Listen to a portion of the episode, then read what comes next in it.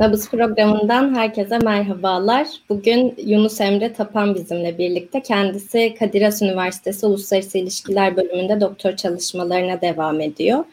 Ee, çalışma alanı veri bilimi ve sosyal bilimlerin kesişiminde disiplinler arası bir çerçevede ilerliyor. Biz bu programda bugün kendisiyle değerli analizleri üzerinden 2020'de Türkiye'nin gündem maddeleri neler oldu bunları konuşacağız. Emre Hocam öncelikle hoş geldiniz. E, hoş bulduk, merhaba Duygu.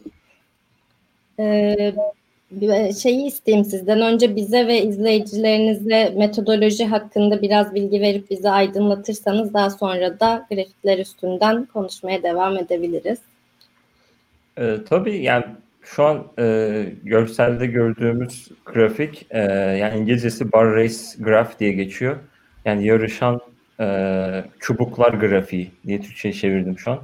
Yarışan çubuklar grafiği diye geçiyor. En çok geçen e, kelimeleri e, frekanslarıyla birlikte görselleştirince hafta hafta nasıl onlar ilerliyorlar, e, hangisi daha yukarı çıkıyor, daha aşağı iniyor, e, onu bize görme imkanı sağlıyor. Normal e, bu veri bilimiyle e, gazeteciliğin birleşmesinin örneklerinden birisi. Veri gazeteciliği de denebilir.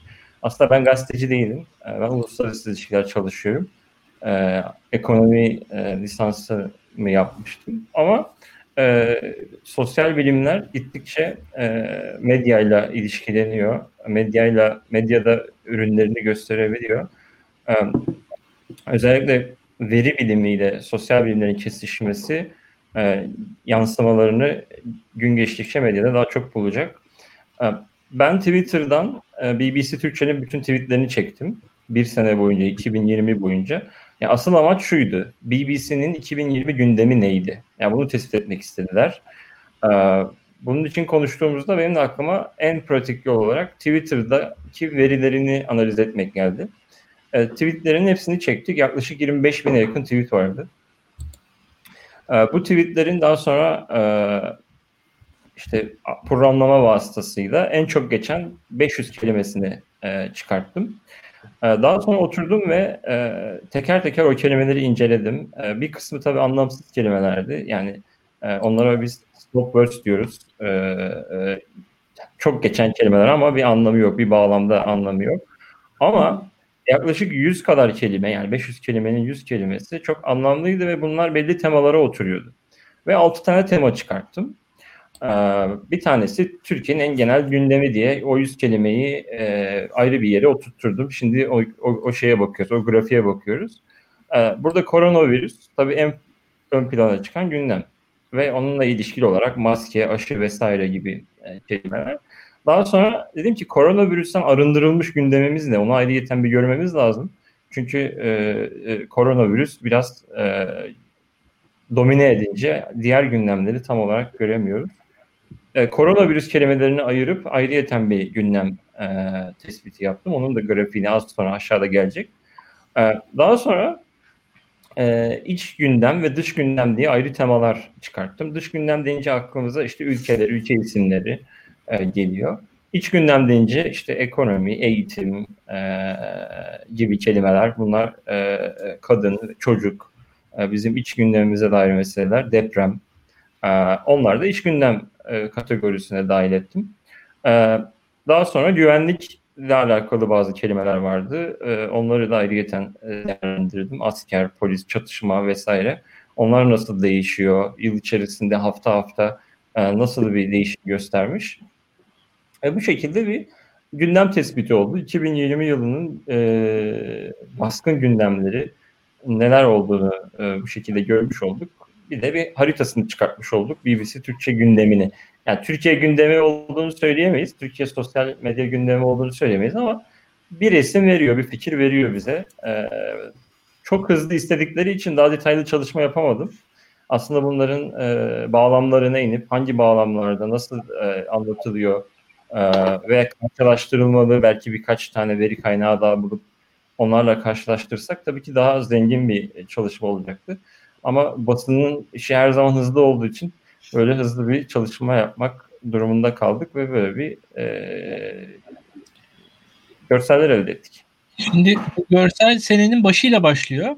Senenin başında Tabii. İran, Kasım Süleymani suikasti e, henüz daha bir tek galiba test e, sanırım koronavirüsle alakalı olabilir burada. E, hemen hemen. O da orada koronavirüsle alakalı değil. Başka bir ben bakmıştım ha. ona. İlk haftadaki test neyle alakalıydı?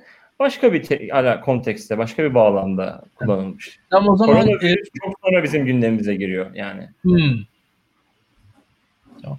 Ya şimdi o zaman ben başlatayım. Ee, yıllar yıl içinde değişimi görelim. Ee, şu an bu yılın başı. Yani Ocak 1 Ocak e, 2020 de böyle bir gündemle başlamışız. Ve İran en tepede, Libya ardında, Donald Trump arkasında e, kadın, dolar, Avustralya. Avustralya'da yangınlar vardı diye hatırlıyorum zaten. Evet, evet, evet, evet. Yani e, biz bir program daha yaptığımız için ben ben de geçen yılın gündemine bir iki defa üzerinden geçmiş olduğum için. E, evet. Şimdi başlatıyorum. İzle. Gündem böyle ilerliyor. E, yine henüz daha başlangıç. İşte Erdoğan saldırı e, bunun arkasından devam ediyor. Koronavirüs başladı arkasından zaten ortada. Koronavirüs çıldırdı tabii. Ondan sonra salgın. Hı hı. Karantina kısıtlama giriyor işin içerisinde. Vaka İngiltere salgın. İtalya zaten gene koronavirüse test. Bu sefer artık koronavirüsle alakalı. Evet, ee, yani İtalya'nın geçtiği kontekstler gene bağlamlar genelde koronavirüs. Buradaki İran'da İran'da evet onunla da bağlantılı ama İran'da bizim başka sorunlarımız da dış politikayla alakalı meselelerimiz de var. Belki on, onlar olabilir. Ee, ama çoğunluğu yani Tekrar gündemin en başını Aynen. koronavirüs olduğunu görüyoruz. En sonunda ee, durduralım da benim bir iki sorun var. Yani dış politikaya dair ya, ya dış politika ya da koronavirüs. En çok gündemimiz bu. Tabi arada ekonomik gündemlerimiz de giriyor çıkıyor falan. Hani yukarı çıkıyor iniyor. Ee, kadın bir ara girdi çıktı falan böyle. Ee, bu grafikten görebildiğimiz kadarıyla e, yani izleyiciler daha sıkılmasın diye hızlı yaptık. Normalde daha yavaş yapabilirdik bu bu, bu grafiği. Yavaş yaptığımız zaman genelde hani e, izle, dinley izleyici kitlesi bundan hani çok e, vakti olmaz, e, ilgilenemez diye daha hızlı yapmak gereksinimi ihtiyaç ihtiyaç hissedenler durdurup baksın diye. Ee, biz de öyle yapabiliriz e, okurken grafik. Bakabiliriz. Şimdi burada mesela Donald Trump yüksek, Joe Biden yüksek, giriyor mu bu grafiğin içerisine girebildi mi yoksa sadece Yok. Joe Biden e, giremedi. Yani taplara giremedi. Sadece yani yılın başında bir konuşmuşuz biz Biden'ı bir. Ha. Sonra bir de e, seçim döneminde konuşmuşuz. Sonra o kadar. Yani hani e, yıl boyunca konuştuğumuz birisi değil Joe Biden. Yani dolayısıyla e, sadece yani zannediyorsam bir ay falan konuştuk. Yani BBC'nin gündeminde de belki bir ay falan konuşulmuş. O da çıkamıyor tabii şey. Belki dış gündemde e, daha net görürüz. Dış gündem grafiğinde Joe Biden'ın e, nasıl e, ilerlediğini, nasıl çıktığını daha net görürüz. Burada tabii en çok geçen e, 15 kelime olduğu için bütün o e, tweetler içerisindeki en çok geçen kelimeler ve hiçbir filtrelemeye tabi tutulmadan e, yapılan e, gö- gösterleştirme. Dolayısıyla oraya çık tabii çıkamıyor yani. Peki e, İngil- İngiltere'nin üstlerde yer alması biraz BBC ya o biraz BBC BBC bias. Hı hı. Evet yani öyle bir e, yani başka bir neden olduğunu pek düşünmüyorum. Yani tabii ki biz Türkiye ile İngiltere ilişkileri hep sürekli konuşulan bir şey. Gündemimiz sürekli canlı. Ama yani bu BBC olduğundan dolayı da daha çok çıktığını yani söylemek bence bir sorun değil. İsterseniz Covid dışı olan e, grafik şu anda. E, daha doğrusu e, araştırmanız. Bir daha e, duyamadım ben tamam. Şey, Korona... biraz bir, bir dakika İlkan. Ha biraz daha yukarı alalım. Ha şimdi. Heh. Bu korona dışı gündem. Türkiye'deki gündem değil mi bu? Evet. Türkiye'deki korona dışı gündem şu an başladı. BBC Türkçe tweetleriyle. Ee, yani Trump Yine dış gündem başta daha sonra ekonomi geliyor. Yani altın kelimesi ekonomiye dair bize bir şey söylüyor.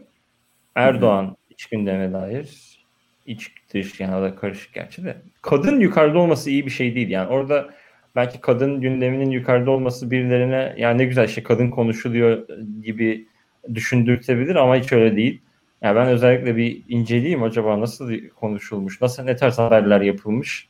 Yani neredeyse yüz, çoğu yani hep kötü haberler. Dolayısıyla bu üzücü bir şey. Ee, biraz yani hakikaten üzülmüştüm. Yani hiç mi iyi haber olmaz? Yok yani. Hı hı. Onun Muhtemelen kadın cinayetlerine paralel olarak herhalde. Yani evet kadın cinayetleri, kadına dair gündemler, tartışılmalar e, yani geçen yıl bayağı tartıştık. İstanbul Hı. Sözleşmesi de vesaire de çok tartışıldı. Belki onun da etkisi olabilir. E, siyasilerin buna dair beyanatları olabilir, o, o tarz haberler olabilir.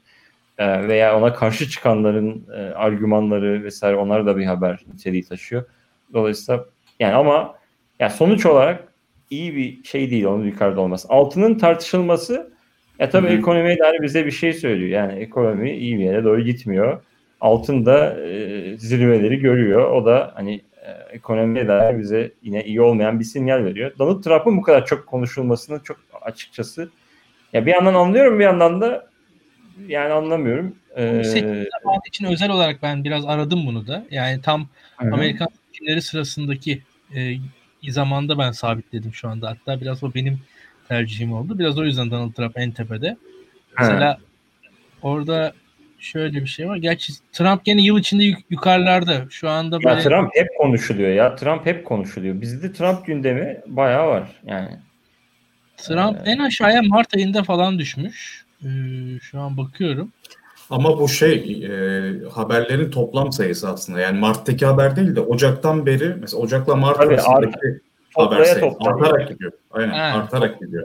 Yani Kasım ayının Ocak, yani. Evet evet. O, toplaya toplaya gidiyor şeyleri, e, frekansları. He. Bu grafik.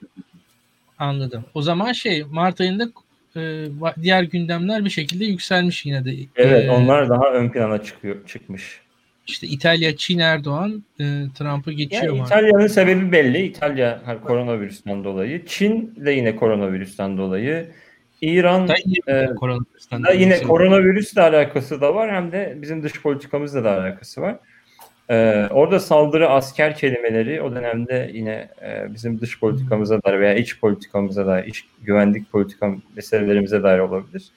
Yani Suriye yine bence Suriye bağlamı da yani çok iyi şeyler, e, duygular taşımıyor Suriye haberleri.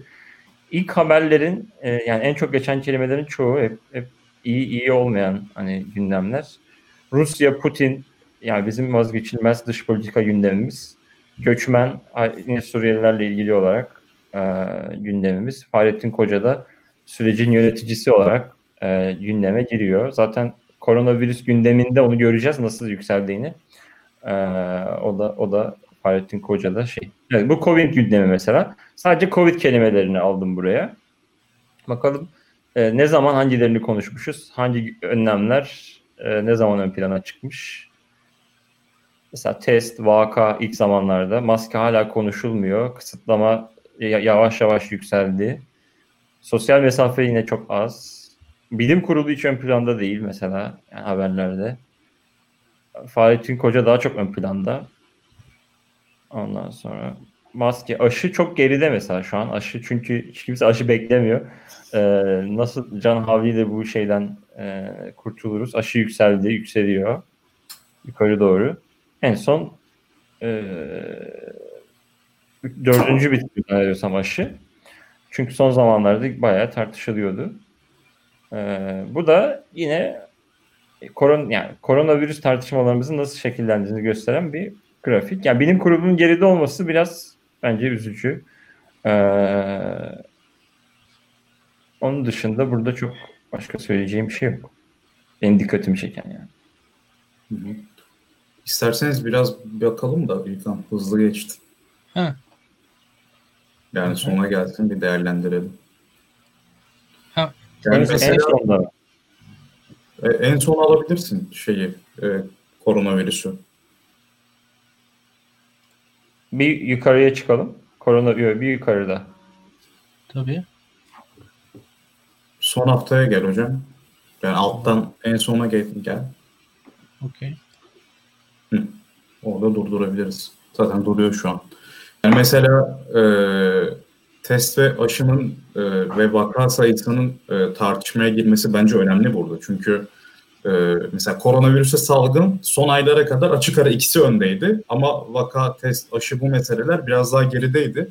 E, yılın sonuna doğru Sağlık Bakanlığı'nın e, vaka sayılarını sakladığı ortaya çıkması, yani hasta sayılarını sadece paylaşması ve bunun bir şekilde muhalefet tarafından e, gündeme getirilmesi e, vaka tartışmasının da e, haberlere konu olmasını sağladı. E, bence bu mesele önemli yani. Çünkü Türkiye burada dünya genelinde unik bir case. E, başlı başına ayrıca bir case. Onu göstermesi bence çok önemli yani. Biz bunu bence çocuklarımıza anlatacağız vaka meselesini. Yani orada Tabii. Sağlık Bakanlığı'nın bizi nasıl kandırdığını torunlarımıza bile anlatacağız bence. Yani bu çok büyük bir hadise. Çok hissedilmiyor ama dünyada böyle bir şey yok yani. Doğru. Ee, şimdi şöyle bir şey var hatta mesela e, onu şöyle ben de sana ekleme yapayım. Mesela kısıtlamalar e, bence 2021'de daha fazla konuşulacak. Çünkü insanların e, tahammül kapasitesinin ben azaldığını düşünüyorum. Mesela bugün İstanbul'da bir eylem vardı. E, işte bu kafe çalışanları vesaire bu e, her türlü lokanta sahipleri ve e, Kadıköy'de eylem yaptılar. Yani e, Türkiye'de bunlar pek olmazdı. İlk defa olmaya başladı farkındaysan. Yani çünkü hani ekonomi konusunda e, daha öncesinde yani 15 gün sabredelim 3 ay daha sabredelim, bir ay sabredelim falan deniyordu. Yani bir yıl geçti ve birçok insanın artık hani şey hani bir ay idare edersiniz bir şekilde hani az yersiniz bir tasarrufunuz vardır aileniz yardımcı olur falan ama veyahut da işte ailenizin içerisinden hani eşiniz çalışıyordur e, annenizden babanızdan bir katkı alıyorsunuzdur vesaire ama e, bir yıl oldu e, şu an artık bence bu işin de e, ölçüsü ve insanların da bu kısıtlamalara yaklaşımları değişecek gibi geliyor bana 2021'de açıkçası. E, yavaş yavaş onun da ben artışını bekliyorum. Buradan böyle iddialı e, bir tahminde bulunayım. E, bilim kurulu konusunda tabii haklısınız. Bilim kurulunun geriye e, geride kalması zaten şöyle bir durum var. Bilim kurulu ilk ortaya çıktığı anda aslında yani Türkiye'nin standart sorunu bu. E, yani Türkiye'de sadece devlet var. Yani onun dışındakiler e, yani bir özellikleri ölçüsünde anlamlılar. Yani bilim kurulu ne olurdu? Ya bilim kurulu hakikaten hükümete bir konuda itiraz edip e, bilim kurulu olmasının getirdiği güçle bir şeyleri değiştirme kabiliyetini gösterseydi ki bu da hani itiraz derken de muhalefetten falan bahsetmiyorum. Yani hani standart bir şeyi bir e, ayarlama, tune etme standartında bir e, müdahaleden bahsediyor. Öyle bir müdahalesi olsaydı e, kendi otoritesini kanıtlardı ve e, çok daha yüksek derecede saygı görürdü. E, ya buradaki zaten hani e, vaka vesaire tartışmalarında hepimiz biliyoruz. E, yani Fahrettin Koca'nın zaman içerisinde nasıl e, aşağılara indiği gündemde zaten yavaş yavaş kendi kendine anlatıyor diye düşünüyorum. Ee, başka bir sözünüz varsa Duygu'nun özellikle... Bilim, bilim kuruluyla, Duygu'ya geçmeden önce bilim kuruluyla alakalı şunu söylemek istiyorum. Yani biraz da sosyal bilimci olmanın getirdiği bir şey. Yani sosyal bilimci adayı diyeyim. Çok iddialı oldum. Olduğunun bir e, yani o, o, onun üzerine çalışan ve düşünen birisi olarak ya bilim kurulunda mesela sosyal bilimciler çok sonradan alındı, dahil edildi. Ama bir sene sonra bir sosyolog e, dahil edildi mesela veya onun fikirlerine e, danışıldı.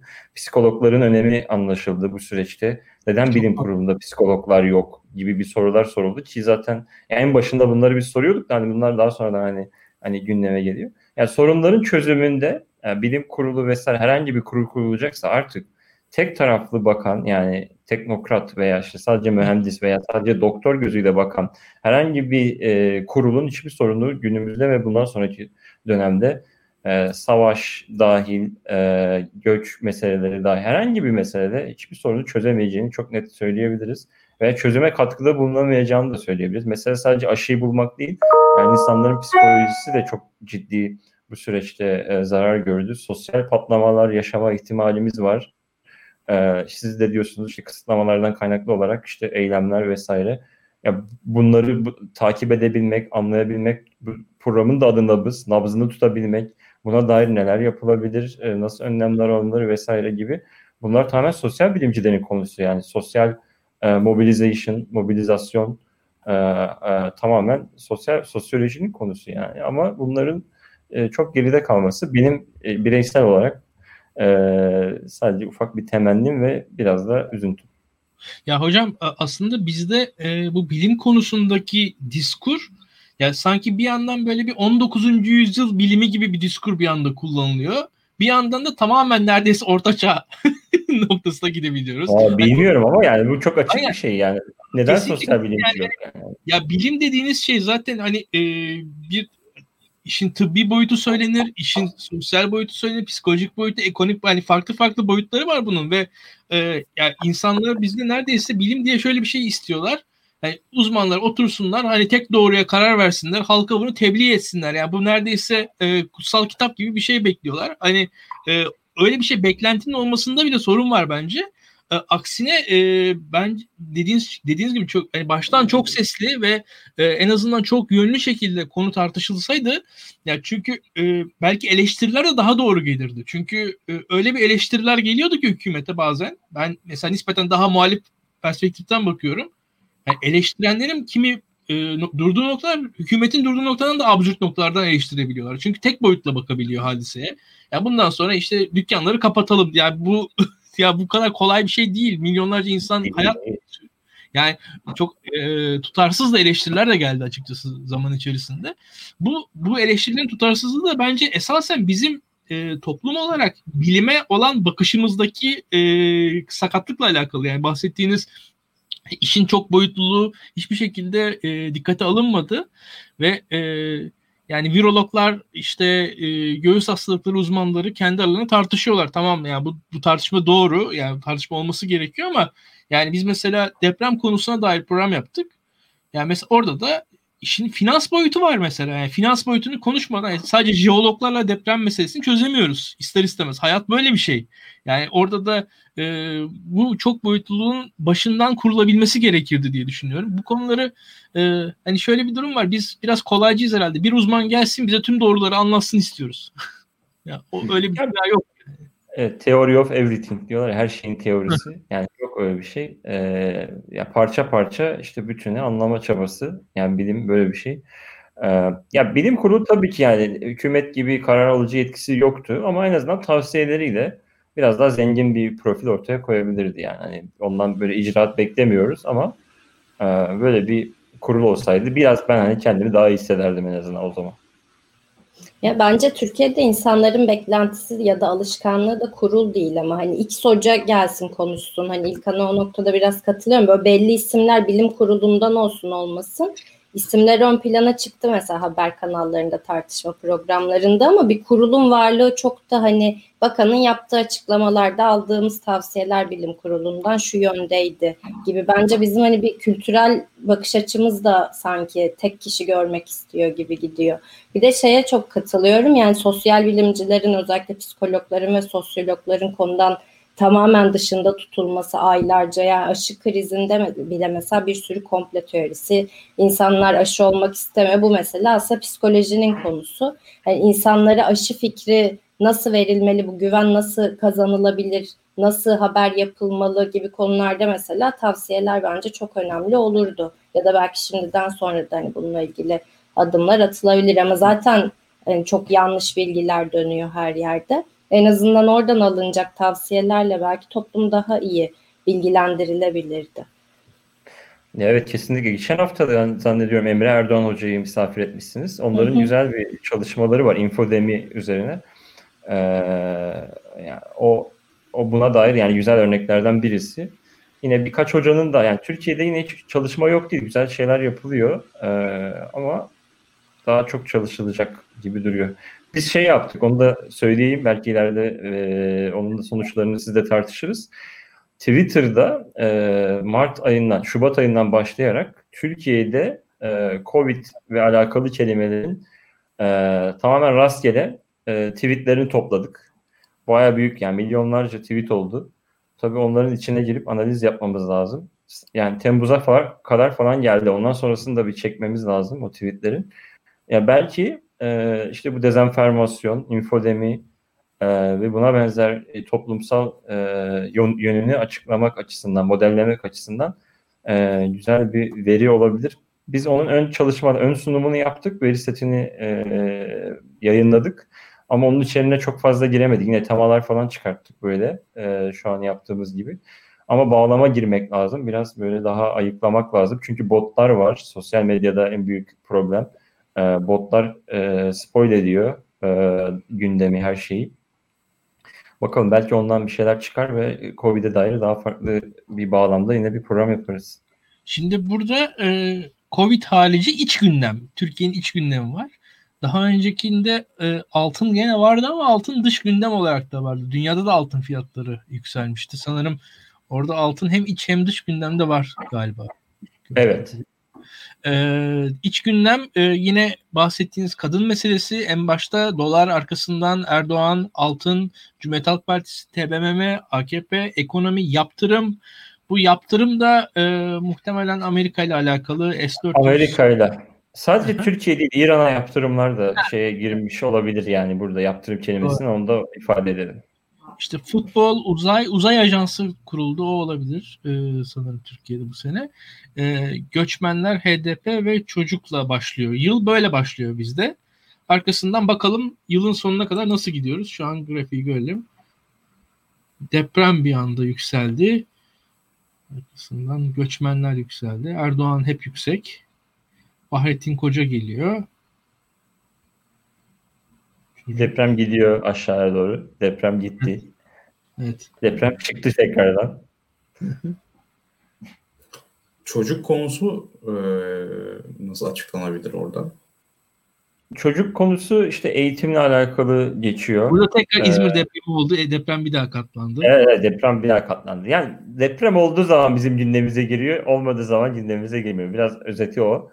Ee, şeydeki grafikte benim gördüğüm. E, çocuk konusu açıkçası çok detaylarına inmedim. Ama e, eğitim bağlamında gördüm çocuk şeyini, e, gündemini. E, politika bağlamında gördüm. E, yine kötü haberlere dair de olabilir. E, ama kadın gündemi gibi değildir diye düşünüyorum. E, eğitim çok geride kalıyor. Biraz o, o beni şey yapmıştı. Çünkü Covid döneminde online eğitimine geçildi. Nasıl olacak? İşte MEP hemen önlemler aldı. E, ama yani eğitime dair e, ne olacak, na, nasıl olacak, ne yapıyoruz çok geride.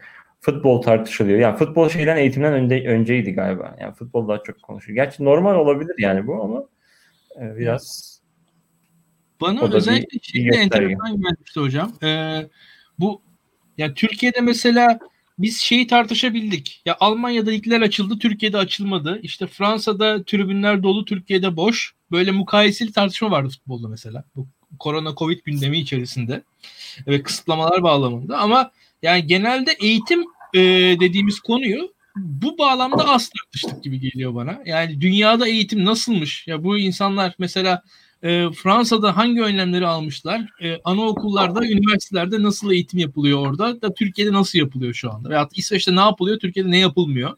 E, bu bağlamda tartışma bence eksikti. Hatta yani Türkiye'nin tamamında e, yani iktidarında, muhalefetinde, gazetecilerinde, entelijansiyasında bence böyle bir eksiklik vardı. Ben mesela bilmiyorum. Yani şu anda mesela Rusya'da nasıl eğitim yapılıyor fikrim yok. Veyahut da Fransa'da üniversitelerde nasıl bir eğitim yapılıyor fikrim yok. Yani e, işte bir arkadaşımın eşi İspanya'da okuyordu. Onun o ilk zamanlarki karantinaları biliyorum ama şu anki önlemler nasıl değişti mesela orada Katalonya'da. Ona dair mesela hani onlar döndüler Türkiye. Arkasından gene fikrim yok. Hiçbir şekilde ya şu anda mesela da bana söyleseniz e, işte hangi spor şampiyonası ertelendi biliyorum. Formula 1'ler nasıl yapıldı biliyorum. E, ama mesela e, diyelim İngiltere'de işte okulları açık tutmak önemli falan diye de, dediğini hatırlıyorum en son Boris Johnson'ın. Kendi ezberimde kalan haberler üzerinden düşünüyorum birazcık da biraz e, kendimdeki tortu üzerinden. E, nispeten mesela benim kendi bilgi kalitem eğitim konusunda geride kalıyor. Yani hakikaten haberlerde biz mesela e, eğitimi dünya ile paralel bir şekilde incelemiyoruz. Yani bizim mesela eğitim yazanlarımız dünyadaki eğitimi daha az biliyorlar gibi geliyor bana buradan. Benim çıkarttığım evet. sonuçta. Yani çünkü futbol izleyenler dünyadaki futbolu da izliyor ama eğitim izleyenler belki dünyadaki eğitimi o kadar iyi izleyemiyorlar. Yani biraz kapasite ve işin zor tabii. Belki de. Belki de tabii yani hani bir de yabancı dil biliyorlar mı acaba eğitimi e, inceleyenler o da önemli. Yani o da önemli bir ayrıntı. Ee, yani Erdoğan'ın yine başta olması çok garip değil. Ee, ekonomi altın ve dolar en tapta bu. Bu son son değil mi? Son bu evet.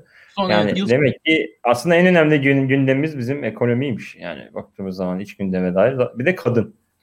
Ee, onu onu görüyoruz. deprem tabii şey yapıyor. E, bir doğal afet olarak karşımıza çıkıyor. Siyasi partiler daha geride kalıyor.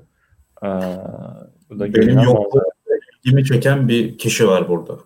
İlkan belki tahmin etmiştir. Hı? Kim? Yokluğuyla ilgimi çeken bir kişi var. Kim olabilir? Ha, evet tabii ki. Ee, yüzde yüz belli. Öncelikle Berat Albayrak sonra Süleyman Soylu'yu Berat Albayrak evet. Ya bu kadar ekonomik Ama... konuşulurken be, Berat Albayrak'ın olmaması ilginç bence yani. Zaten istifa ettiği tarihte Kasım'ın başı mıydı? Aralığın başı mıydı? Yani son iki ya ayda. Onların isimleri geçiyordu. Çıkarttım onların isimlerini. Fakat şey rankeye girecek kadar yoklar. Yani belki bu sayıyı arttırsak onların isimlerini de göreceğiz nasıl olduğunu ama buraya kadar çıkamıyorlar tabii. İlginç ama ya. Yani Albayrak'ın olmaması e, şaşırtıcı geldi bana. Çünkü şey yani ekonomi konuşulunca o da e, geçiyordu. E, ya belki haber dili haber dili biraz daha nötr olduğu için e, rapor raporlama yapıyor. İşte altın, dolar şöyle vesaire. O ön plana çıkıyor. Ama e, bir sosyal medya metni olsaydı, normal kişilerin kullandığı bireysel metinler olsaydı orada Berat Albayrak kelimesi daha yukarı çıkabilirdi.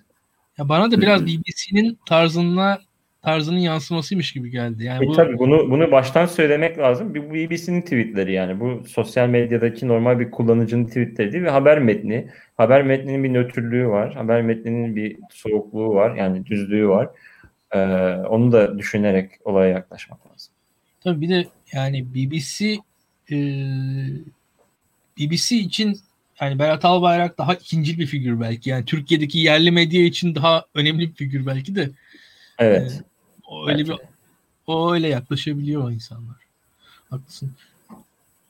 Deprem çocuk. Devam edelim isterseniz. Tabii ki. Devam edelim. Evet.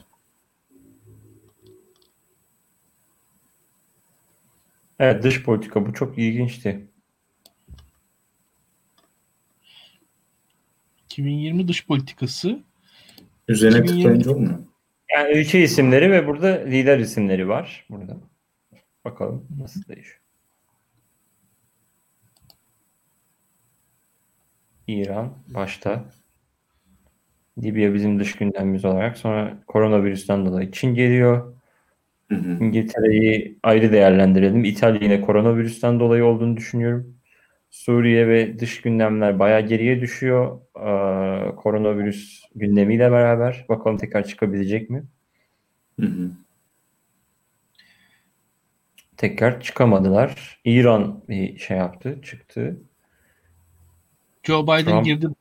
Joe anda. Biden girdi tabii yani o, o yani bir ay konuşuldu ama bir ay iyi konuşuldu yani Joe Biden. O şekilde listeye girdi. Yani yani seçimlerle beraber giriyor tabii daha öncesinde. Tabii. Çok ufak birkaç yerde geçmiş. Baktım hangi haftalarda geçmiş. Yılın ort başında ilk aylarında böyle birkaç haber var ama çok fazla daha sonra hiç konuşulmuyor. Daha sıfır yani. Sonra birden seçimde tekrar. E, tabii burada şey var. Floyd gündemi geldi gitti o orada şey evet. sona kalamıyor. E, bir de Floyd gündemimiz vardı dış gündemeler. O da sadece bir ay konuşuldu tabii. E, beklenen bir şekilde. Bir aydan sonra konuşulmadı. Onun için son sona kalamıyor. Ama arada görürsünüz Floyd yukarı çıkacak. E, tekrar inecek. Ee, şey mesela birazdan şurada Boris Johnson'ın korona oluyor galiba. Olabilir. Onun için arttı orada. Evet. Putin Putin böyle sabit bir şekilde Tabii. konuşuluyor sürekli. Düz bir e, frekanside. E, düzenli olarak. Hindistan bir yükselmiş ama ben açıkçası çok detayını bilmiyorum. Hindistan'da nasıl bir şey var. Korona, Karabağ koronavirüs olabilir. Koronavirüs Hindistan'da orada... seçim, seçim gerçekleştirilmiş miydi bu sene? Hindistan'da. Ya Hindistan'da bu sene şeyler oldu. Ee, bir e, tapınak yıkılmıştı. Onun yerine Budist tapınağı yapıldı galiba. Öyle bir şeyler oldu. Müslümanlarla çatışık biraz şey. Evet öyle bir şey var. Koronavirüs meselesi var. Modi çok konuşuluyor. Ee, Belçika'da yine yüksek e, şeyler. Belçika bence e, boyuna göre yüksek bir şey aldı. Karabağ en sonunda yılın sonunda giriyor. Tabii o yıl sonu yıl sonu e, meselelerinden dolayı Azerbaycan ve Karabağ. Daha öncesinde yok mesela. Azerbaycan ve Karabağ e, o çatışmalardan önce yok. Hiçbir şekilde konuşulmamış. O da e, ona baktım özellikle. O zaman bakmıştım. Yani yıl boyunca konuşup konuşup sonra e, gelişen bir olay değil. Küt diye birden gündemimize gelen ve sonra e, yerleşen, oturan bir gündem. Devam edelim hocam isterseniz. Yunus'un da e, doktora yeterlilik sınavı olduğu için e, biraz süresi kısıtlı. Yani bize sağ olsun vakit ayırdı. Yok ee, bitirelim. Grafikleri bitirelim. Tamam. Okey. Şimdi bu e, Türkiye'de 2020 gündemi güvenlik, adalet, diplomasi ve krizler başlığı altında. Burada neleri çıkardınız hocam? Yani koronavirüs mü çıktı dışarıya? Ne çıktı? Burada dışarı? burada koronavirüs çıktığı ülkeyiz. Yani sadece e, yani bir şey çıktığı olarak şey yapmayalım da bütün gündem içerisinde o 100 kelime içerisinde sadece e, güvenlik, adalet ve e, bu şiddet e, kelimelerini aldım buraya. Tabii Erdoğan hani e, e, iç politikaya dair işte e, parti isimleri falan da arada arada girmiş. Ama e, asıl olarak işte asker, savaş, barış, şiddet yani bu kelimelerin daha çok ön plana e, çıkacağını bekliyorum. E, yani onun için bu ayrıyeten bir gündem olarak karşımıza çıkıyor. Deprem geliyor hızlı. Deprem de geliyor. Göçmenler orada muhtemelen bir felaket yaşandı herhalde. Ateşkesler var. Soruşturma, adalet anlamında yine bu, bu senenin çok fazla konuşulan kelimelerinden.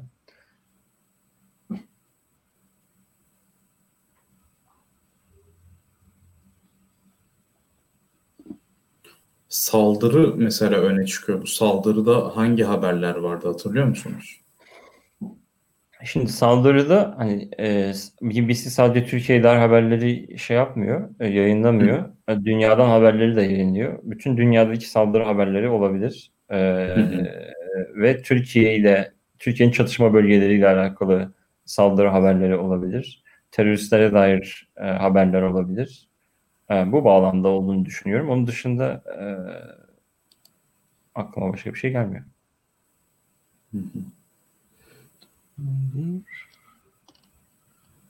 Burada metodolojinizle artık. E, evet metodoloji yazdık. Yani bu normalde olmayan bir şey. Haberlerde metodoloji genelde yazmıyorlar. Ama böyle bir yenilik e, metodolojimizi de yazalım. Nasıl bu sonuçlara ulaştığımız şeffaf bir şekilde belli olsun. E, kafamızdan atmıyoruz. yani e, e, biraz objektif bir habercilik anlayışının getirdiği bir şey. E, buna benzer haberler umarım artar ileride. E, daha derinlemesine inip analizler yapabiliriz. Ee, yani gönlüm istiyor ki daha geniş bir vakitte e, daha bağlamlarını inerek güzel daha farklı görselleştirmelerle böyle haberler yapalım. Ama çok hızlı bir şekilde böyle bir şey istediler. Onun için böyle bir haber ortaya çıktı. Bakalım ya, ilerleyen zamanlarda ne olur. Bence yani bu şu yaptığınızda bile e, açıkçası eğitim meselesinin geride kalmış olması Türkiye'nin eksikliğini göstermeye yetiyor yani. Ben e, buradan net bir şekilde onu gördüm ve e, çünkü şöyle söyleyeyim e, herkesin çocuğu var. E, ailesinde birisi okula gidiyor veya hatta birisi öğretmen şudur budur. Yani bir şekilde okulla bağlantılı e, ve insanlar e, şehir dışında okuyorlar, e, ev tutuyorlar vesaire. Yani eğitim meselesinin e, daha e, en azından derinlemesine analizlerin konusunda ben geride kaldığımızı düşünüyorum. Şu an hatta geriye dönüp düşünüyorum. E, bu korona bağlamında önlemler vesaire okulların durumu, okulların Covid'e hazır olup olmaması meselesi zaten benzer bir şeyi bir, bir sıkıntıyı da şeyde yaşamıştık hatırlarsanız. Bu sınavlar üzerinden tartışmıştık gene e, korona Covid gündemini. E, orada eksiklik varmış gibi geldi bana yani. Bu tüm bunların sonucu. Ee, ben biraz o noktaya varabildim. Onun dışında tabii gün, dünyanın genel gündeminin yansımaları e, birebir görüyoruz orada. E, ve şey ya o bilim kurulu bağlamı da bence açıklayıcıydı. Yani bu yap, bu kadarlık yaptığınızdan bile çıktı ortaya. Evet tabii bir resim veriyor ee, ama yani sosyal bilim perspektifinden çok daha derinlerine nasıl inebiliriz her zaman ee, bir e, şey bir ta- merakımı tahrik etmiyor değil. Ama benim asıl merak ettiğim e, yani bu tabii BBC haber dili. Daha resmi bir e, kanal. Yani e, bunun dili çok farklı. Acaba genel normal kullanıcıların gündeminin tespiti ve onun analizi nasıl olabilirdi? O, da, o çok daha farklı olurdu. E, daha farklı isimler ön plana çıkardı. Nezih'in e, o istediği bazı isimler, görmek istediği bazı isimleri görürdük. o, o listede. E, diye düşünüyorum. Ama yani o tabii e, yani bizim o Covid veri setinde işte Burak Özturan'la beraber hazırladığımız bir e, veri seti var. E, belki onun sonuçlarını paylaştığımızda daha farklı e, bir gündem ortaya çıkacak. Hmm. Ya aslında mesela şöyle bir şey var. Mesela BBC'nin tweetlerinin aldığı ilgi, gördüğü ilginin değişimi e, konuşulabilir. E, sizin atıyorum e, mesela bu kısıtlamalarla beraber BBC ilgi arttı mı azaldı mı takipçi sayıları nasıl değişti o konuşulabilir. Bu tarz şeyler insanın aklına gelebiliyor ama e, bir de bütün bunların yanında mesela hep şey konuşulmuş. Sosyal medya kısıtlamaları olduğu zaman acaba nasıl etkiler olabilir? O tarz şeyler tabii her zaman konuşulacak. Evet. Ee, ya ama tabii Türkiye'de de bir taraftan da şu var. E, sosyal medya manipülasyonu açık böyle. Minik cemaatlerin bile biz e, Twitter'da trend topik olduğunu görüyoruz yani. Hani orada küçük bir organize yapı e, interneti belli ölçülerde manipüle edebiliyor aslında. Ya yani o, ondan da arındırmanın yollarını bulmak lazım. E, o da kolay değil yani. O da yani orada şunu yapabiliyoruz. E, bot denilen hesaplar var. Botlardan arındırabiliyoruz veri setimizi. Yani o küçük cemaatler eğer botlarla kendi gündemlerini şişiriyorlarsa eğer onlardan arındırabiliriz. Ama gerçek kişiler o, o gündemi şişiriyorlarsa onu arındıramayız. E, bot hesap yani bot e, detection şeyleri var. E, algoritmaları var. Botları tespit ediyor. Sonra onları e, ele, eliyoruz, filtreliyoruz ve gerçek gündeme bir tık daha yaklaşmış oluyoruz. E, yani en fazla bunu yapabiliriz diye düşünüyorum. E, ki onu da yaptık. E, kendi veri setimizdeki botların üzerine biraz çalışma yaptık. Biraz tespit ettik yani.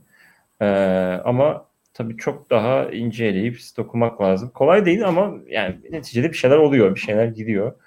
bakalım belki ileride bir şeyler çıkar. Şey de olabilir belki farklı haber kaynakları hani BBC bir yerde karşılaştırmalı olarak bakmak belki mümkün olabilir. En çok evet. hani kim ya hangi o, haberi yapmış. Orada şu tabii hangi medya e, kanalı neyi ön plana çıkartmayı tercih etmiş. Biraz orada epistemolojik olarak hangisini tercih ediyoryu e, karşılaştırma imkanı verecek medya karşılaştırması. E, bu çok yaygın aslında sosyal bilimcilerin de yaygın yaptığı bir çalışma biçimi. E, onu tabii BBC değil de kendi özel e, bir makale olarak belki yapılabilir. Tabii. E, burada BBC'nin gündemini çıkartmış olduk. Evet. Yaptığınız iş çok değerli paylaştığınız için de bir daha teşekkür çok edelim. Çok sağ olun. Davet ettiğiniz için çok sağ olun. Ben sizi dinlemeye devam edeceğim ama e, bana sormak istediğiniz bir soru varsa biraz daha konuşalım yoksa ben sizi e, arkada dinleyeyim. Ee, teşekkür ederiz paylaşımların için, davetimizi kırmadığın için. Ee, Demek, sana da zaman. çalışmalarında kolaylıklar dileyelim. Seçim döneminde de artık çalışırız zaten. Yayınlara bağlanırsın yani. E, tabii konuşuruz yani şey. E, verileri, veriler üzerinden konuşuruz. Tamam. Sizin yani programınızı en beğendiğim yönü, e, onu da söylemiş olayım. Yani sürekli veriler üzerine yani analiz yapıyorsunuz. O açıdan çok takdir ediyorum. E, din, arada bakıyorum. Şu aralar çok biraz yoğunluğum var ama e, yani e, yorumlarınızı çok beğeniyorum. Özellikle o grafikler, yorumlar, analizler biraz daha zenginleştiriyor. Ee, beni de büyük ihtimalle onun için çağırdınız. O açıdan teşekkür ederim. Her zaman bekleriz. Çok sağ olun. O zaman iyi akşamlar diliyorum. İyi Size akşamlar. İyi akşamlar. Görüşmek üzere. Şimdi Şimdi gündemimizi değiştiriyoruz gündem konuştuktan sonra başka bir gündeme Şimdi geçiyoruz. So- sosyal medyaya konuştuk. Biraz da e, normal e, anket sonuçlarını da konuşalım. Yani hem sosyal medyadan gündemi okuduk hem de anketler üzerinden gündemi okuyalım. E, İlkan sen açıyor musun? Açmış olmam lazım. Açtın değil mi? Şimdi açıldı. Ee, biz metropol sonuçları üzerinden e, bir grafik hazırladım ben bu yayın öncesinde. E, Metropol'ün e, sonuçlarını ay ay listeledim. Bunu grafiğe yansıttım. Cumhur İttifakı'nın oyunu beraber aldım. Millet İttifakı'nı yani CHP ve İyi Parti'yi beraber aldım. E, kararsızları ve o sandığa gitmeyecekleri e, birlikte değerlendirdim. Oy yok kategorisinde. E, HDP ve diğer partileri de yani diğer partilerin içinde de DEVA, e, Gelecek, Saadet ve diğer partiler olmak üzere Onları da ayrıca yansıtmış oldum. Bu arada yayınımızı paylaşalım. E, aslında ilgi çeken e, bir grafik bu. Biraz az izleyici var. E, daha çok insan e, nasiplensin. Bu veriler her yerde olmuyor yani. E, şimdi ben kısaca bir yorumlayayım. E, benim gördüğüm şu. E, şimdi aslında yılın sonuyla e, yılın başını karşılaştırdığımızda sanki muhalefet cephesinde bir şey değişmemiş ama Cumhur İttifakı oy kaybetmiş ve oy kaybı doğrudan e, kararsızlara ve parti tercih yani kararsızlara veya sandığa gitmeyecek olanlara yani parti tercih belirtmeyenlere kaymış gibi gözüküyor.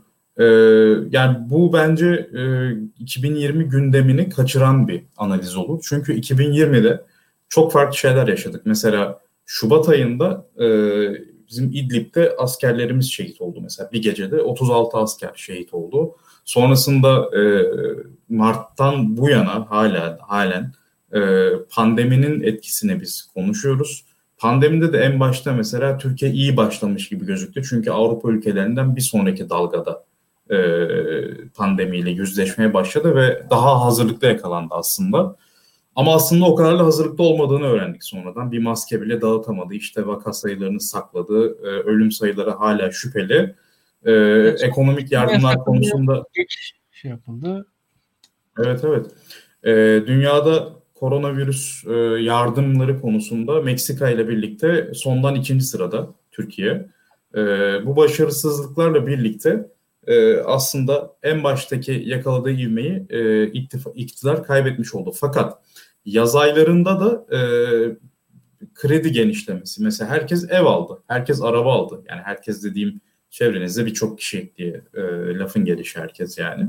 E, orada da iktidar aslında bir e, hafif silkinir gibi olmuştu. Fakat bunu koruyamadı. Zaten e, doların 9'a, euronun 10'a dayandığını hatta euronun 10'u bulduğunu gördük.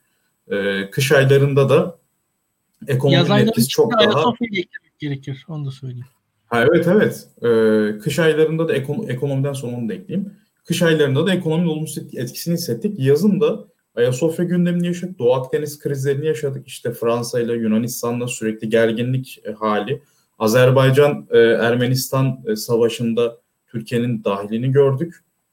Böyle bayrak etrafında toplanma etkisi yaratan olaylar da yaşadık yani. Dolayısıyla 2020 aslında birkaç yılın gündemini tek bir yıl içinde toplamışçasına yoğun bir yıl oldu. Buradaki oy hareketliliğini analiz etmek bu nedenle önemli. E, İlkan sen nasıl yorumluyorsun? Ben yine tekrar dönerim ya da e, Duygu senin söylemek istediğin bir şey var mı öncesinde? Yoksa İlkan mı başlasam? İlkan başlayabilir. Tamam. tamam. Ee, şimdi genel olarak e, Onur senin dediklerine katılmakla birlikte bir defa e, şunu görüyoruz. E, ekonominin ağırlığı her zaman için kendisini hissettiriyor. Yani e, ve bu e, ekonominin ağırlığı ağır olarak kalmaya devam ediyor. Yani ekonomi aslında iyi gidip gitseydi muhtemelen bu bu kadar gündem arasında hükümetin belki de e, teveccühü daha da artardı diye düşünüyorum ben. E, ve burada genelde e, hatta şöylesini söylemek daha doğru olabilir. E, Türkiye'de e, bakarsan e, yani yılın başında Suriye'de bir yoğun e, güvenlik gündemi vardı. PKK konuşuluyordu, PYD konuşuluyordu. Onun arkasından Türkiye'de yine e, Covid vesaire, korona hem hükümetin bir başarısı işte dünyada e, hastalığın en geç gelmediği ülke uzun süre bizde hastalık yok dendi. E, Türkiye'de hatırlarsan e, ve bir büyük başarı hikayesi anlatıldı. Avrupa başarısız, Türkiye başarılı. İsveç'ten hasta getirdik biz. İşte Avrupa'da insanlar yaşlarına bakmıyorlar. Türkiye halkı mükemmel bir halk falan. Onları onları dinledik hatırlıyorsak. Yani hani belli bir süre ben neredeyse Mayıs ayına kadar falan Türkiye ne kadar mükemmel bir ülke, Avrupa ne kadar bitmiş durumda, Avrupa çöktü diye ben bayağı dinledim. Yani hani Avrupa'nın e, ruhen, ahlaken, vicdanen, ekonomik olarak nasıl çöktüğü anlatıldı uzun süre Türkiye'ye. Ve bu bayağı e, teveccüh gördü. Yani o kadar yani ne saçmalıyorsunuz denmeyecek şekilde anlatıldı o zamanlar. Hatırlıyorum ben yani. Hani bu e, Mart ayında, e, Nisan ayında falan e, ciddi ciddi bunlar söyleniyordu ve e, o zaten şeyi yaşadık. E, ki burada e, senle beraber tartıştığımız daha önceki e, görev onayı grafik, grafikleri vardı hatırlarsın yıl içerisinde. Fahrettin Koca'yı sen e, dikkatle ön plana çıkartıyordun ve Fahrettin Koca'nın gördüğü teveccühü bahs teveccühten bahsediyordun ve %65'ler seviyesini bana söyledin diye hatırlıyorum ben neredeyse. Diğeri %70 bulanlar da vardı muhtemelen. Ya ama biz 65'leri burada tartıştık en azından. Başka anketlerde daha yüksekti ben gördüm Fahrettin Koca'yı açıkçası. E, e bu hmm. noktadan e, sonra Türkiye yıl içerisinde sürekli bir güvenlik gündemi içerisinde bulundu. Yani sürekli bir güvenlik gündemi. Önce Suriye, arkasından Libya. Libya'da belli bir süre başarısızlık gibi arkasından başarı geldi. E, bunun arkasından Mavi Vatan, Türkiye doğalgaz buldu. E, Mavi Vatan tartışması işte yani Türkiye yıl içerisinde mesela şöyle söyleyelim bu e, e, şey Amiral Cihat Yağcı ve Cem Gürdeniz bunlar Türkiye'nin en popüler figürleri haline geldiler bu yıl içerisinde. Ya bu yıl bu yıldan önce daha ziyade konunun uzmanlarının bildiği insanlarken bugün herkesin bildiği insanlar haline geldi. Yani Amiral Cihat Yağcı şu an herkes herkes olmasa da siyasete ilgilenen herkes tanıyor şu anda. Öyle söyleyebilirim. Bir ortalama siyasetçi kadar tanınır bir insan haline geldi şu an Cihat Yağcı. Ee, bu yılın ürünü aslında bunlar. Ee, veyahut da hani Amiral Cem Gürdeniz yani mesela düşün senin okulunda belli bir süre çalışmışlığı var Cem Gürdeniz'in ama o zamanlar hiç kimse tanımıyordu Cem Gürdeniz'i.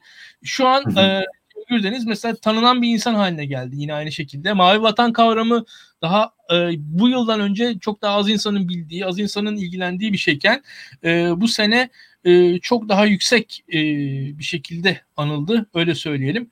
E, bu bunların hepsi aslında bir güvenlik gündemleriydi. Yılın içerisinde e, bu devam etti. Mavi Vatan kavramından sonra zaten e, bu, bu gündemlerin ben ağır bir yandan da tabii hep az bahsediliyor ama Türk ordusunun e, Kuzey Irak vesaire operasyonları falan hep sürdü. Bir de orada da operasyonlar. Yani aynı anda Suriye, Irak, e, Doğu Akdeniz, Yunanistan'la beraber e, nispeten gemilerin çatışması.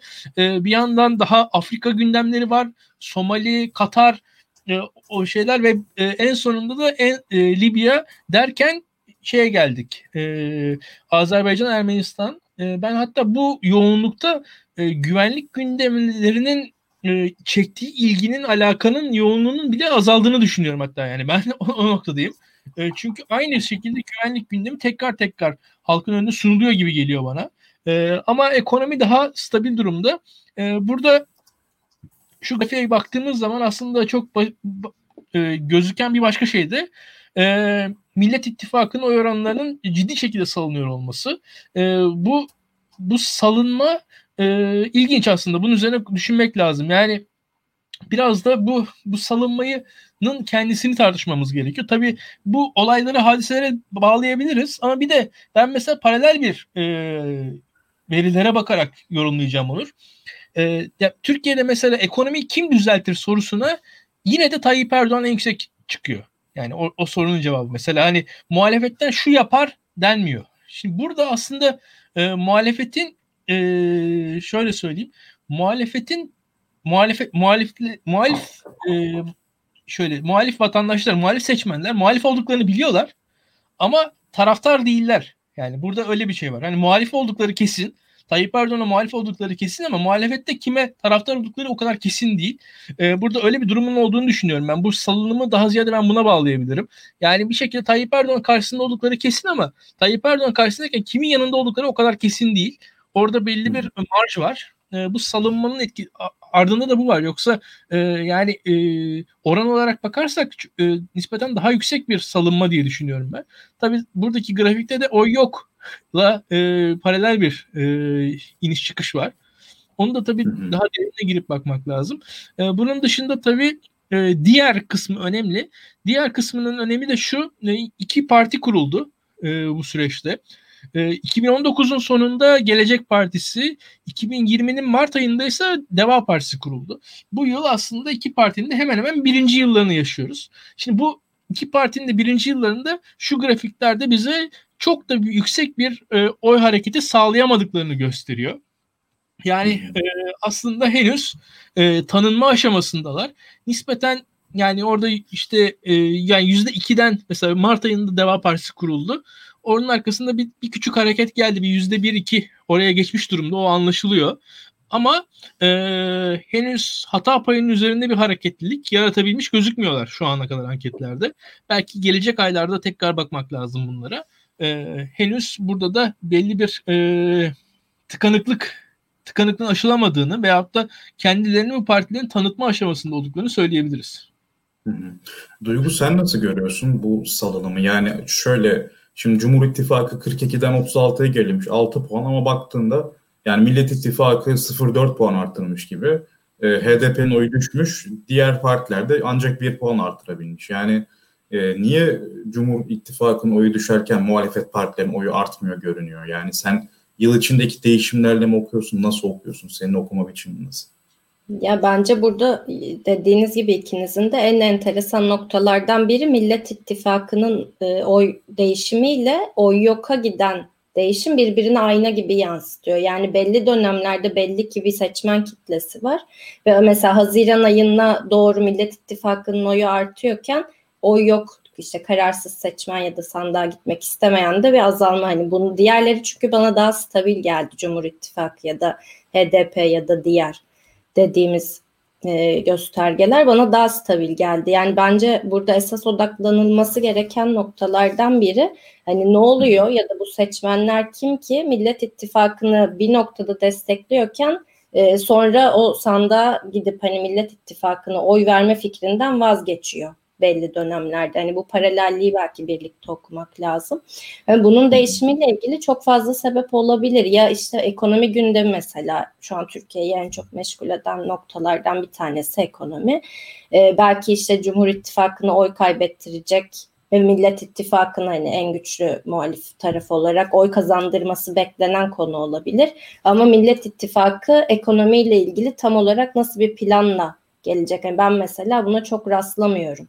Hani insanlar Erdoğan'ı hala örneğin e, ekonomiyi o kurtarır gibi görüyorlarsa karşılarında başka bir muhatap görmüyor olmalarıyla da alakalı olabilir bu.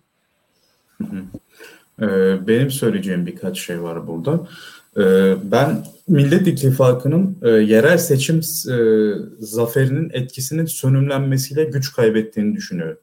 Yani 2019 yerel seçimlerinden gelen bir dalga vardı. Ee, bugünden e, pandeminin başlangıcına hatta ortalarına kadar bence sürdü. Sonrasında ise Ayasofya gibi veya işte Libya gibi, e, Doğu Akdeniz gibi ulusal gündemlerin e, zirveye çıkmasıyla birlikte bence bu ortadan kalktı. E, bana şöyle geliyor, bu çok e, spekülatif bir çıkarım. Fakat oy vermeyen kitlede kazanana oy vermek isteyen, iktidardan uzaklaşmış ama muhalefetle de bütünleşmemiş bir kitle var.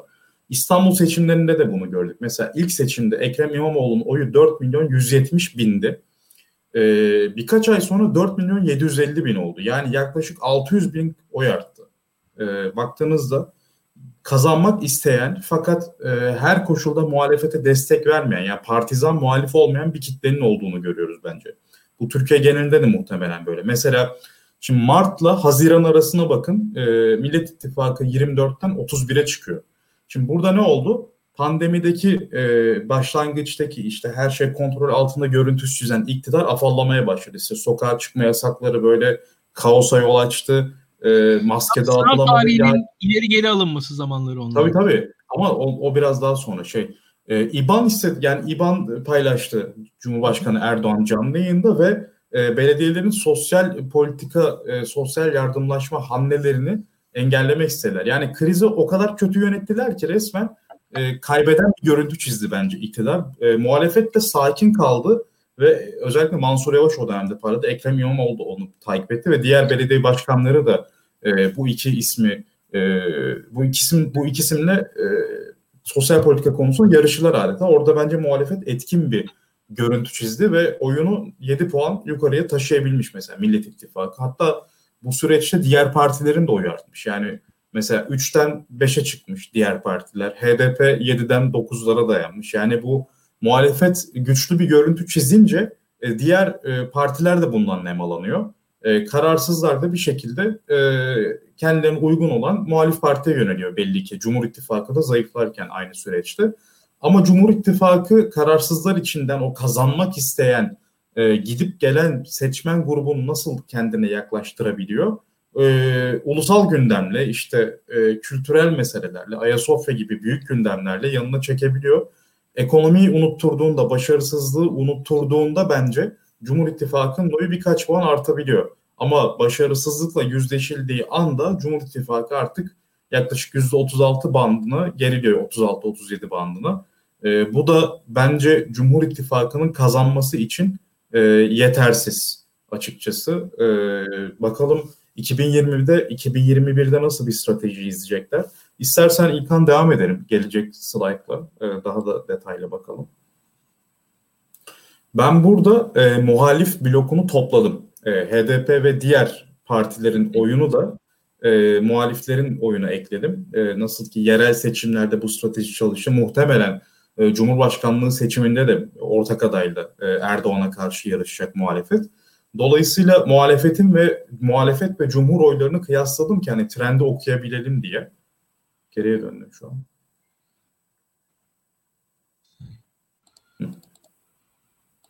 Pardon. Ee, ben beceremedim şunu.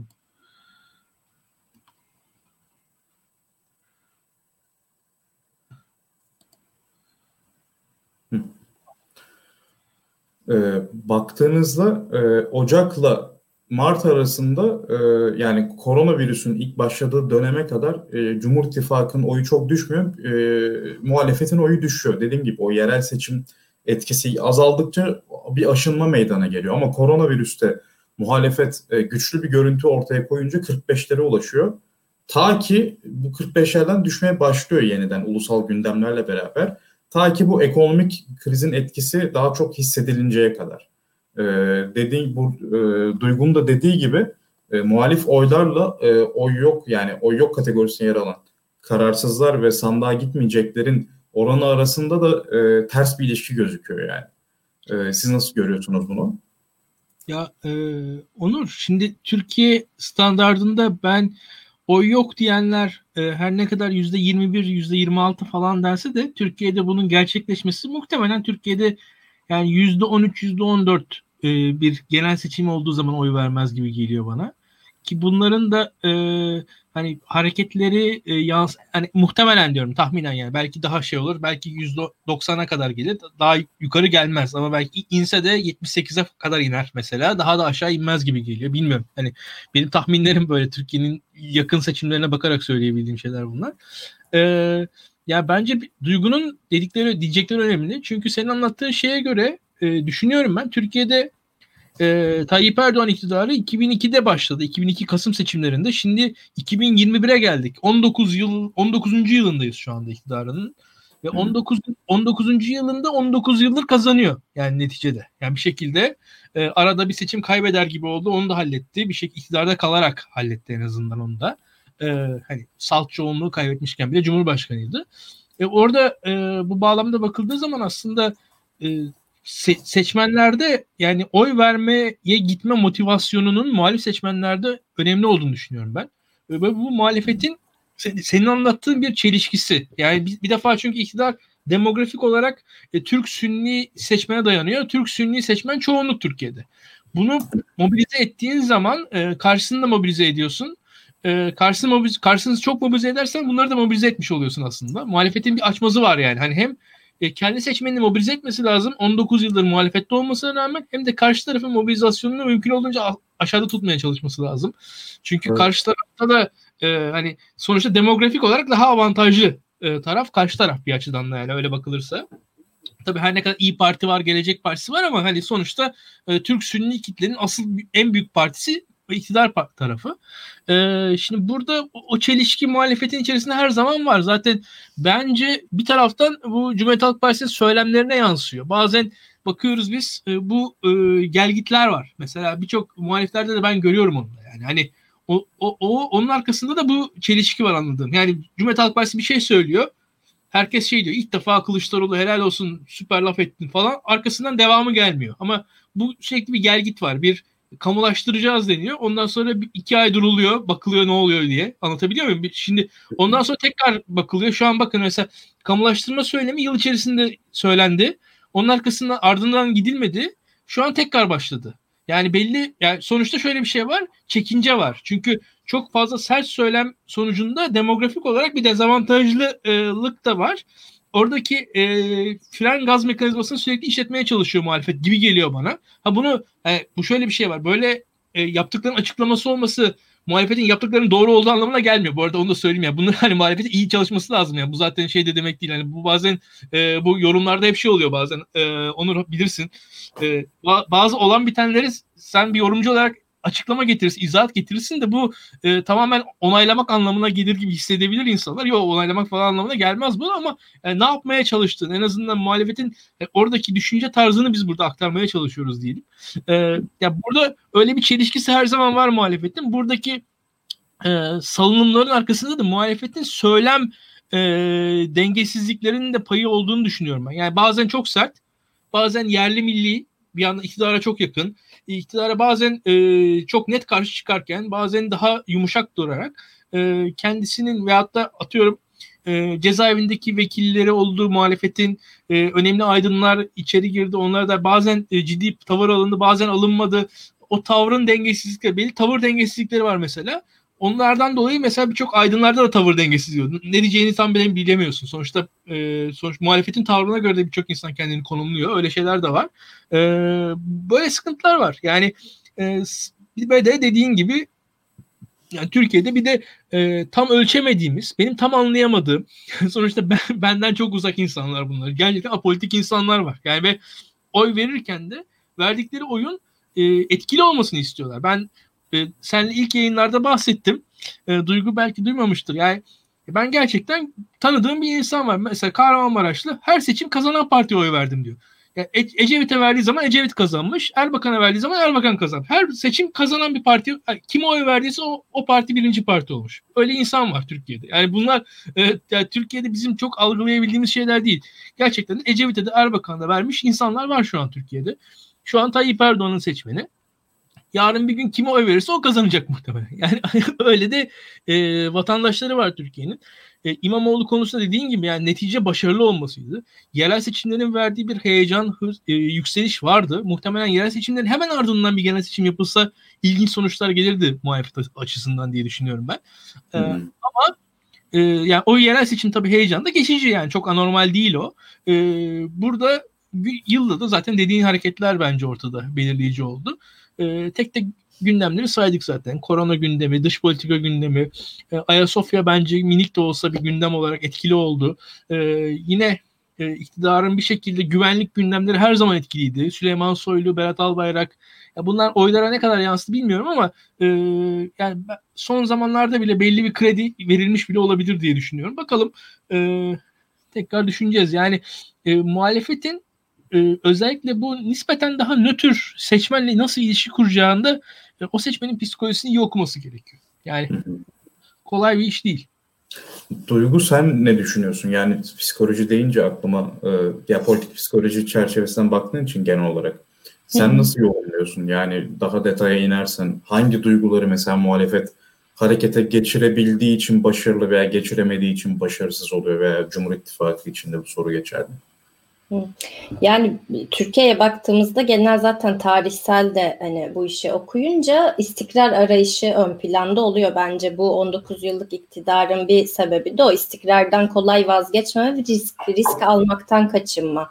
Hani o koalisyon döneminin bir getirisi bir tecrübeyle de aslında paralel giden bir şey bu ama diğer yandan da risk almama. Hani hangi duygular insanları risk almaktan alıkoyar? Mesela kaygı insanlar geleceğe dair kaygıları, korkuları olduğu zaman o riski almıyorlar ve işte bir e, muhalefete kayma fikri varsa da bu sadece ideolojik olmak zorunda da değil. Çünkü hani partizanlığın e, her zaman her şekilde çalışmadığını da biliyoruz mesela oy verme literatüründe birçok etmen olabiliyor. Bunlardan bir tanesi de hani bir kesimi ilgilendiren bu olabilir. Öte yandan insanları risk alıp şimdi bu iktidar değişim meselesi Türkiye için seçmen için çok büyük bir risk olacak. Çünkü bir bilinmezliğe doğru gidecek. Sonuçta 20 yıldır devam eden bir düzen, bir istikrar e, algısı var ve bunu kırmakla karşı karşıya kalacak seçmen. O noktada da bence en yani e, bu benim kanaatimden öte aslında literatüre baktığımızda gördüğümüz bir şey. En yönlendirici duygunun e, risk almaya dair öfke olduğunu biliyoruz ya da bununla ilişkili duygular. Çünkü öfkelenen insan e, artık risk alabilir halde adım atmaya başlıyor. Bu yine işte siyasete katılımın farklı araçlarıyla da olabilir. Hani protesto yapmalar olabilir, imza kampanyaları olabilir ya da bu sandığa yansıyabilir. Bence en önemli noktalardan biri bu olacak. Çünkü bu ekonomik gidişat da insanları daha çok artık öfkelendirmeye başlayacak gibi geliyor bana. Ya da işte kadınlar için mesela kadın cinayetlerinin önünün kesilmiyor olması. Belki bu duyguları okumak e, muhalefet için de aslında avantaj sağlayacak bir nokta olabilir. Yani insanlar ne hissediyor ve görmek istedikleri şey ne? Çünkü öfkeli insan risk almaya meyil ediyor olsa bile bu tamamen rasyonel hesapları da bir kenara bırakacak anlamına gelmiyor. Yani bunlara biraz hitap edebilir olmak gerekiyor bence. Ve e, benim e, kanaatimce geçen haftaki verilere dayanarak da aslında biraz söylüyorum. Bu mesela CHP'lilerin HDP'lilerin e, kendini AKP seçmenine ya da e, MHP seçmenine göre daha dezavantajlı gördüğünü gözlemlemiştik verilerde geçen hafta. Bunun aslında e, şöyle bir şey getireceğini düşünüyorum. Ben bu literatürde göreli yoksunluk dediğimiz kavramı yani bir başka grubun üyelerine kıyasladığında insanlar kendini adil olmayan ve haksız şekilde sistem tarafından dışlandığını, e, işte yoksun bırakıldığını hissediyor olabilir ki bu da yine paralelinde öfke gibi, içerleme gibi duyguları getiriyor. Ve bunlar da insanları yine e, şeye yönlendiriyor. Yani farklı bir arayışa yönlendiriyor. Bence Türkiye'nin hani bu kutuplaşma haricinde bir de bu göreli yoksunluk hissini bu şekilde okumak da lazım. Çünkü ortak imkanlardan herkes eşit şekilde paylaşmıyorsa ve insanlar yani bu objektif olarak böyle olmak zorunda da değil. Ee, bunu biz gerçekten böyle rakamlara döktüğümüzde gerçek olmayabilir ama insanlar bu şekilde algılıyor olabilir. Yine bu algıları iyi okumak gerekiyor diye düşünüyorum ben.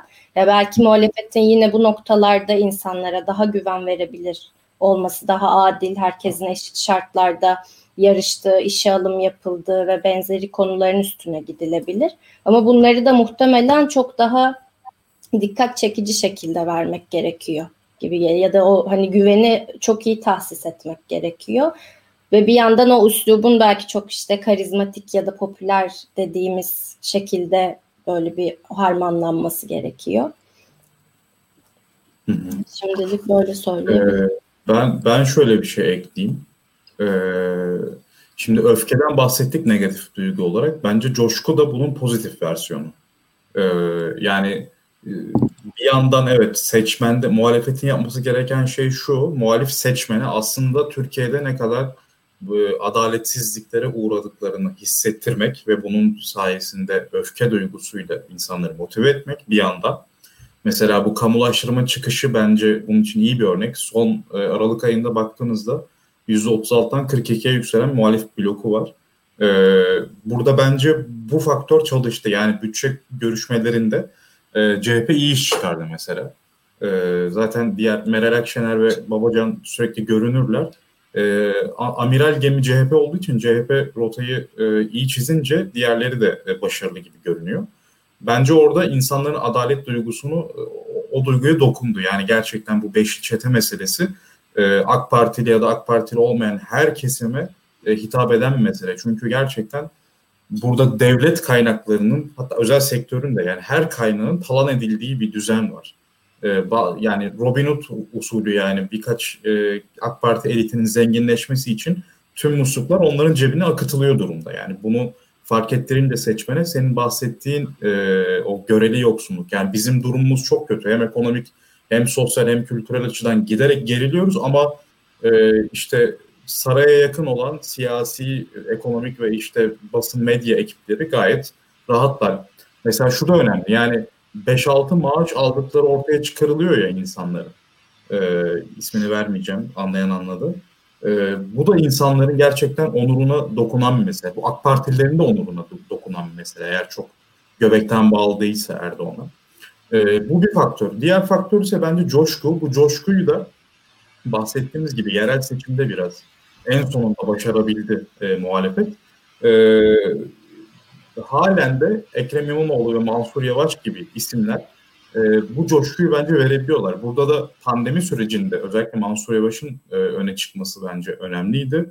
Yani %35'lerden %45'e e, taşınan bir dalga var. Orada da hem bir yandan iktidara duyulan öfke yani pandemi sürecini iyi yönetememeden kaynaklı. Diğer yandan da muhalefetin e, bir coşku uyandırması. Bakın biz bu işi yapabiliyoruz. Beraber bu işi gerçekleştirebiliriz. Gelin bizle beraber e, olun. Zaten sosyal e, dayanışma kampanyalarında da seçmeni seçmeni motive ettiler aslında. Yani o birlik havası çok önemli. Bence e, muhalefet bunu da sürdürmeli. O sosyal dayanışmanın etkisini kullanmalı. Yeniden kampanyalar düzenlenebilir mesela. Yani ya da o kampanyalar daha sık e, tekrarlanabilir. E, ben de bunu eklemek isterim. İlkan istersen devam edelim. Bu görev onayı grafiğimiz de var. Ya bu arada Amerika'daki gündem de yoğun. Bunu da söyleyeyim. şey demokratlar almamış mı? Olay ne? Ya şu an e, kongre binası basılmış. E, ya ve şey e, sokağa çıkma yasağı ilan edildi Washington'da. Ve e, ya bugün zaten şey belirlenecekti. Bu başkan falan belirlenecekti. O tarz e, o durduruldu o eylemler şu anda. Amerika enteresan bir gün yaşıyor şu an. Böyle söyleyeyim. Mike Pence tahliye edilmiş yani. Ee, hmm. Bayağı bir şey var orada. Neyse bize dön artık. Boş ver. Benim coşkuyla ilgili çok kısa eklemek istediğim bir şey var. Yani Onur dediğine katılıyorum ama şöyle bir problem oluyor. Öfke gibi duygular daha sürdürülebilir duygular ya da kaygı etkisini daha böyle uzun vadelerde görebiliyoruz ama coşku gibi böyle insanları evet mobilize etme ihtimali çok yüksek olan duyguları uzun süreli taşımak çok daha zor geliyor bana. Hı hı. Evet haklısın. Zaten yani geçici oluyor. Mesela bu Cumhurbaşkanlığı tartışmalarında da e, insanlar e, Mansur Yavaş Cumhurbaşkanı olsun diyorlar mesela. Şimdi Mansur Yavaş'ın etkisi kalıcı olmayabilir. Mansur Yavaş'ın o coşku etkisi bir yandan bir zaman sonra geçtikten sonra geriye kalanlar işte Ankara'da yaptıkları olacak. O konuda ne kadar öne çıkıyor onu tam tartışamıyoruz mesela kamuoyu evet. önünde. Ee, zaten pandemide de öyle yani işte sosyal dayanışma kampanyaları yaz başladığında artık sona erdi. Çünkü e, pandemi tedbirleri, pandemi kısıtlamaları azaltıldı, gündem kaydı. E, ekonominin de zaten e, etkisi azalıyor yaz aylarında. Dolayısıyla o e, rüzgar kesilmiş oldu yani dediğin gibi. Hı hı. E, görev onayı grafiğini e, aldık.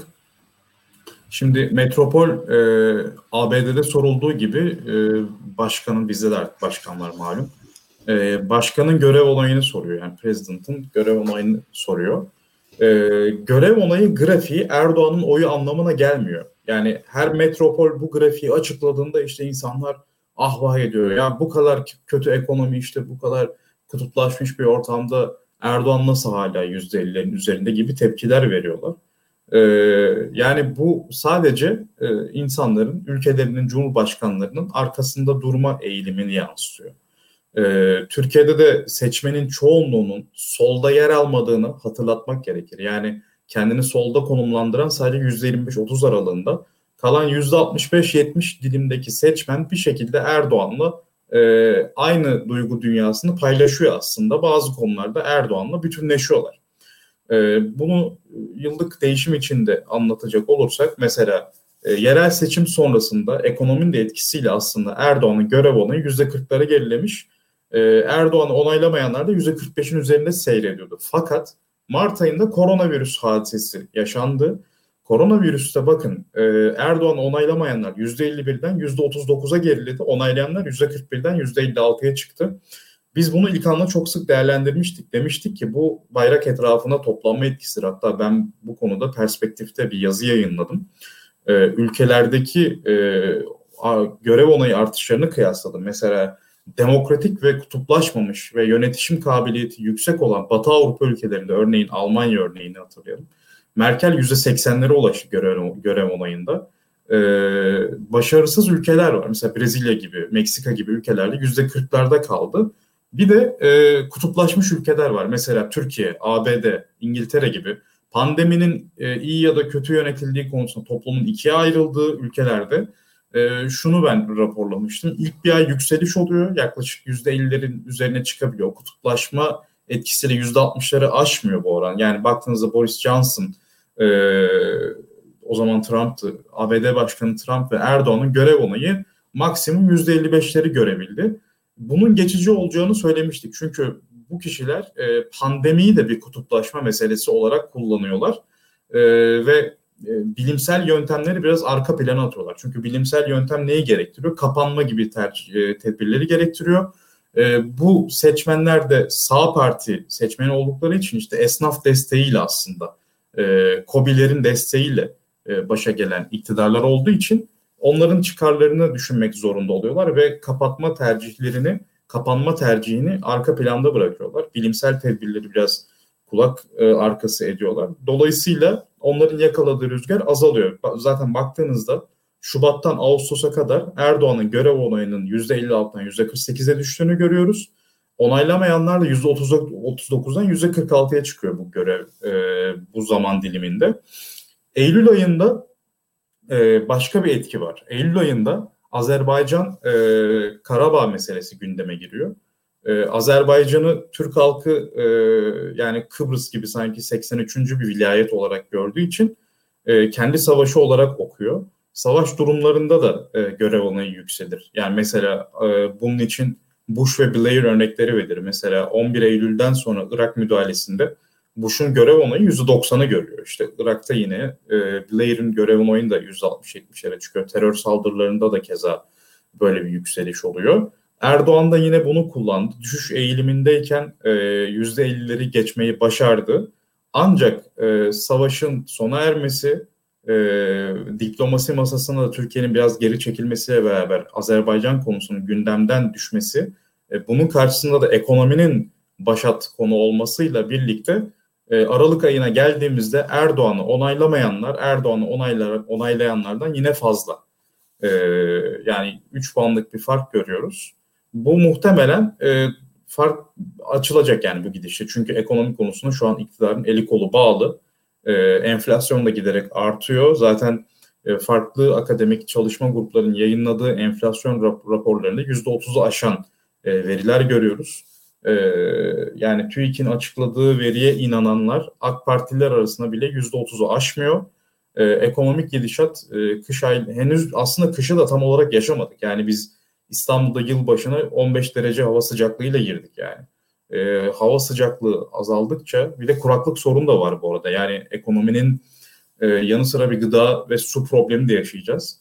E, ben daha da tablonun olumsuzlaş, olumsuzlaşacağını düşünüyorum açıkçası. Erdoğan aleyhinde gideceğini düşünüyorum. Siz ne düşünüyorsunuz bu konuda? İlkan? Biz böyle South Park sessizliği olduk. Ee, şöyle söyleyeyim.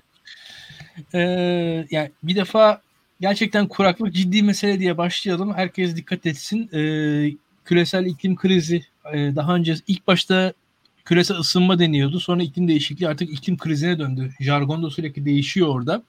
Ee, bu bağlamda dikkat etmek lazım.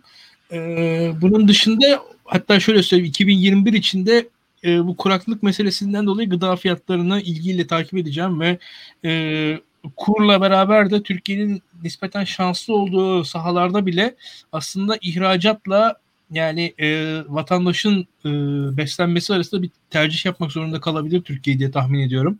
Hatta yani Türkiye'nin mesela kendi ürettiği yağı ihraç etmesi, vatandaşa mı satması orada yani belli üreticiyle e, halk arasında belli tercihler yapmak durumunda kalabilir ülkeyi yönetenler. Öyle, öyle düşünüyorum. Yine bir şekilde stokçu mutokçu tartışmalarını görebiliriz bu sene içerisinde. Yani benim şu anda fiyatlar genel seviyesinden aldığım izlenim biraz onları e, onları getiriyor. E, bunun dışında şöyle söyleyeyim Türkiye'de Cumhurbaşkanı'nın onayı e, Cumhurbaşkanı'nın alacağı oydan belli bir e, kademe daha yüksek olabilir diye düşünüyorum ben de senin gibi. Ama ne kadar yüksek olur ondan emin değilim. Çünkü Türkiye zaten çok kutuplaştığı için aslında o kadar da yüksek olmayabilir. Yani bir yandan da e, bu muhalefetin işi kolay noktasına gelinmesin e, o kadar da değil yani. Onunla gerçekçi olmak lazım. E, ya bu grafikler tamam her şeyi söylemiyor ama bir şeyler de söylüyor. Onu da söyleyelim. E, bunun haricinde e, gerçekten de şey var yani bizim e, muhalefetin belli bir e, bazda kendisinin yapabilir olduğunu anlatabilmesi lazım. E, bunu ama belli bir düzenle, belli bir e, doğru düzgün propaganda anlatması lazım. Bunu yapabiliyor mu? Tam yapamıyor hala. Ekonomi gündemi e, dominant, baskın gündem oldukça Türkiye'de muhalefet belli bir yere kadar kendisini anlatacaktır. Burada da daha ötesinde e, yapabilir olduğunu göstermesi gerekiyor. E, şu an mesela söylem konusunda gelgitleri var. Bu az önce anlattığım benim söylem gelgitleri sıkıntılı. E, söylem gelgitlerinden hani belli tamam neticede bir söylem seçildikten sonra o söylemin derinleştirilmesi gerekiyor. Yani en basitinden şu var. E, mesela diğer yayınlarda da ben anlatmaya çalışıyorum arada Onur. E, yani Duygu sen ne, ne dersin bilmiyorum da yani e, vaat diye bir kavram vardır yani. Hani, muhalefetin bir şey vaat edebiliyor olması lazım. Burada ekonomiyi çözen Tayyip Erdoğan çözer dedim ya hani bu anketlerde öyle çıkıyor en çok diye.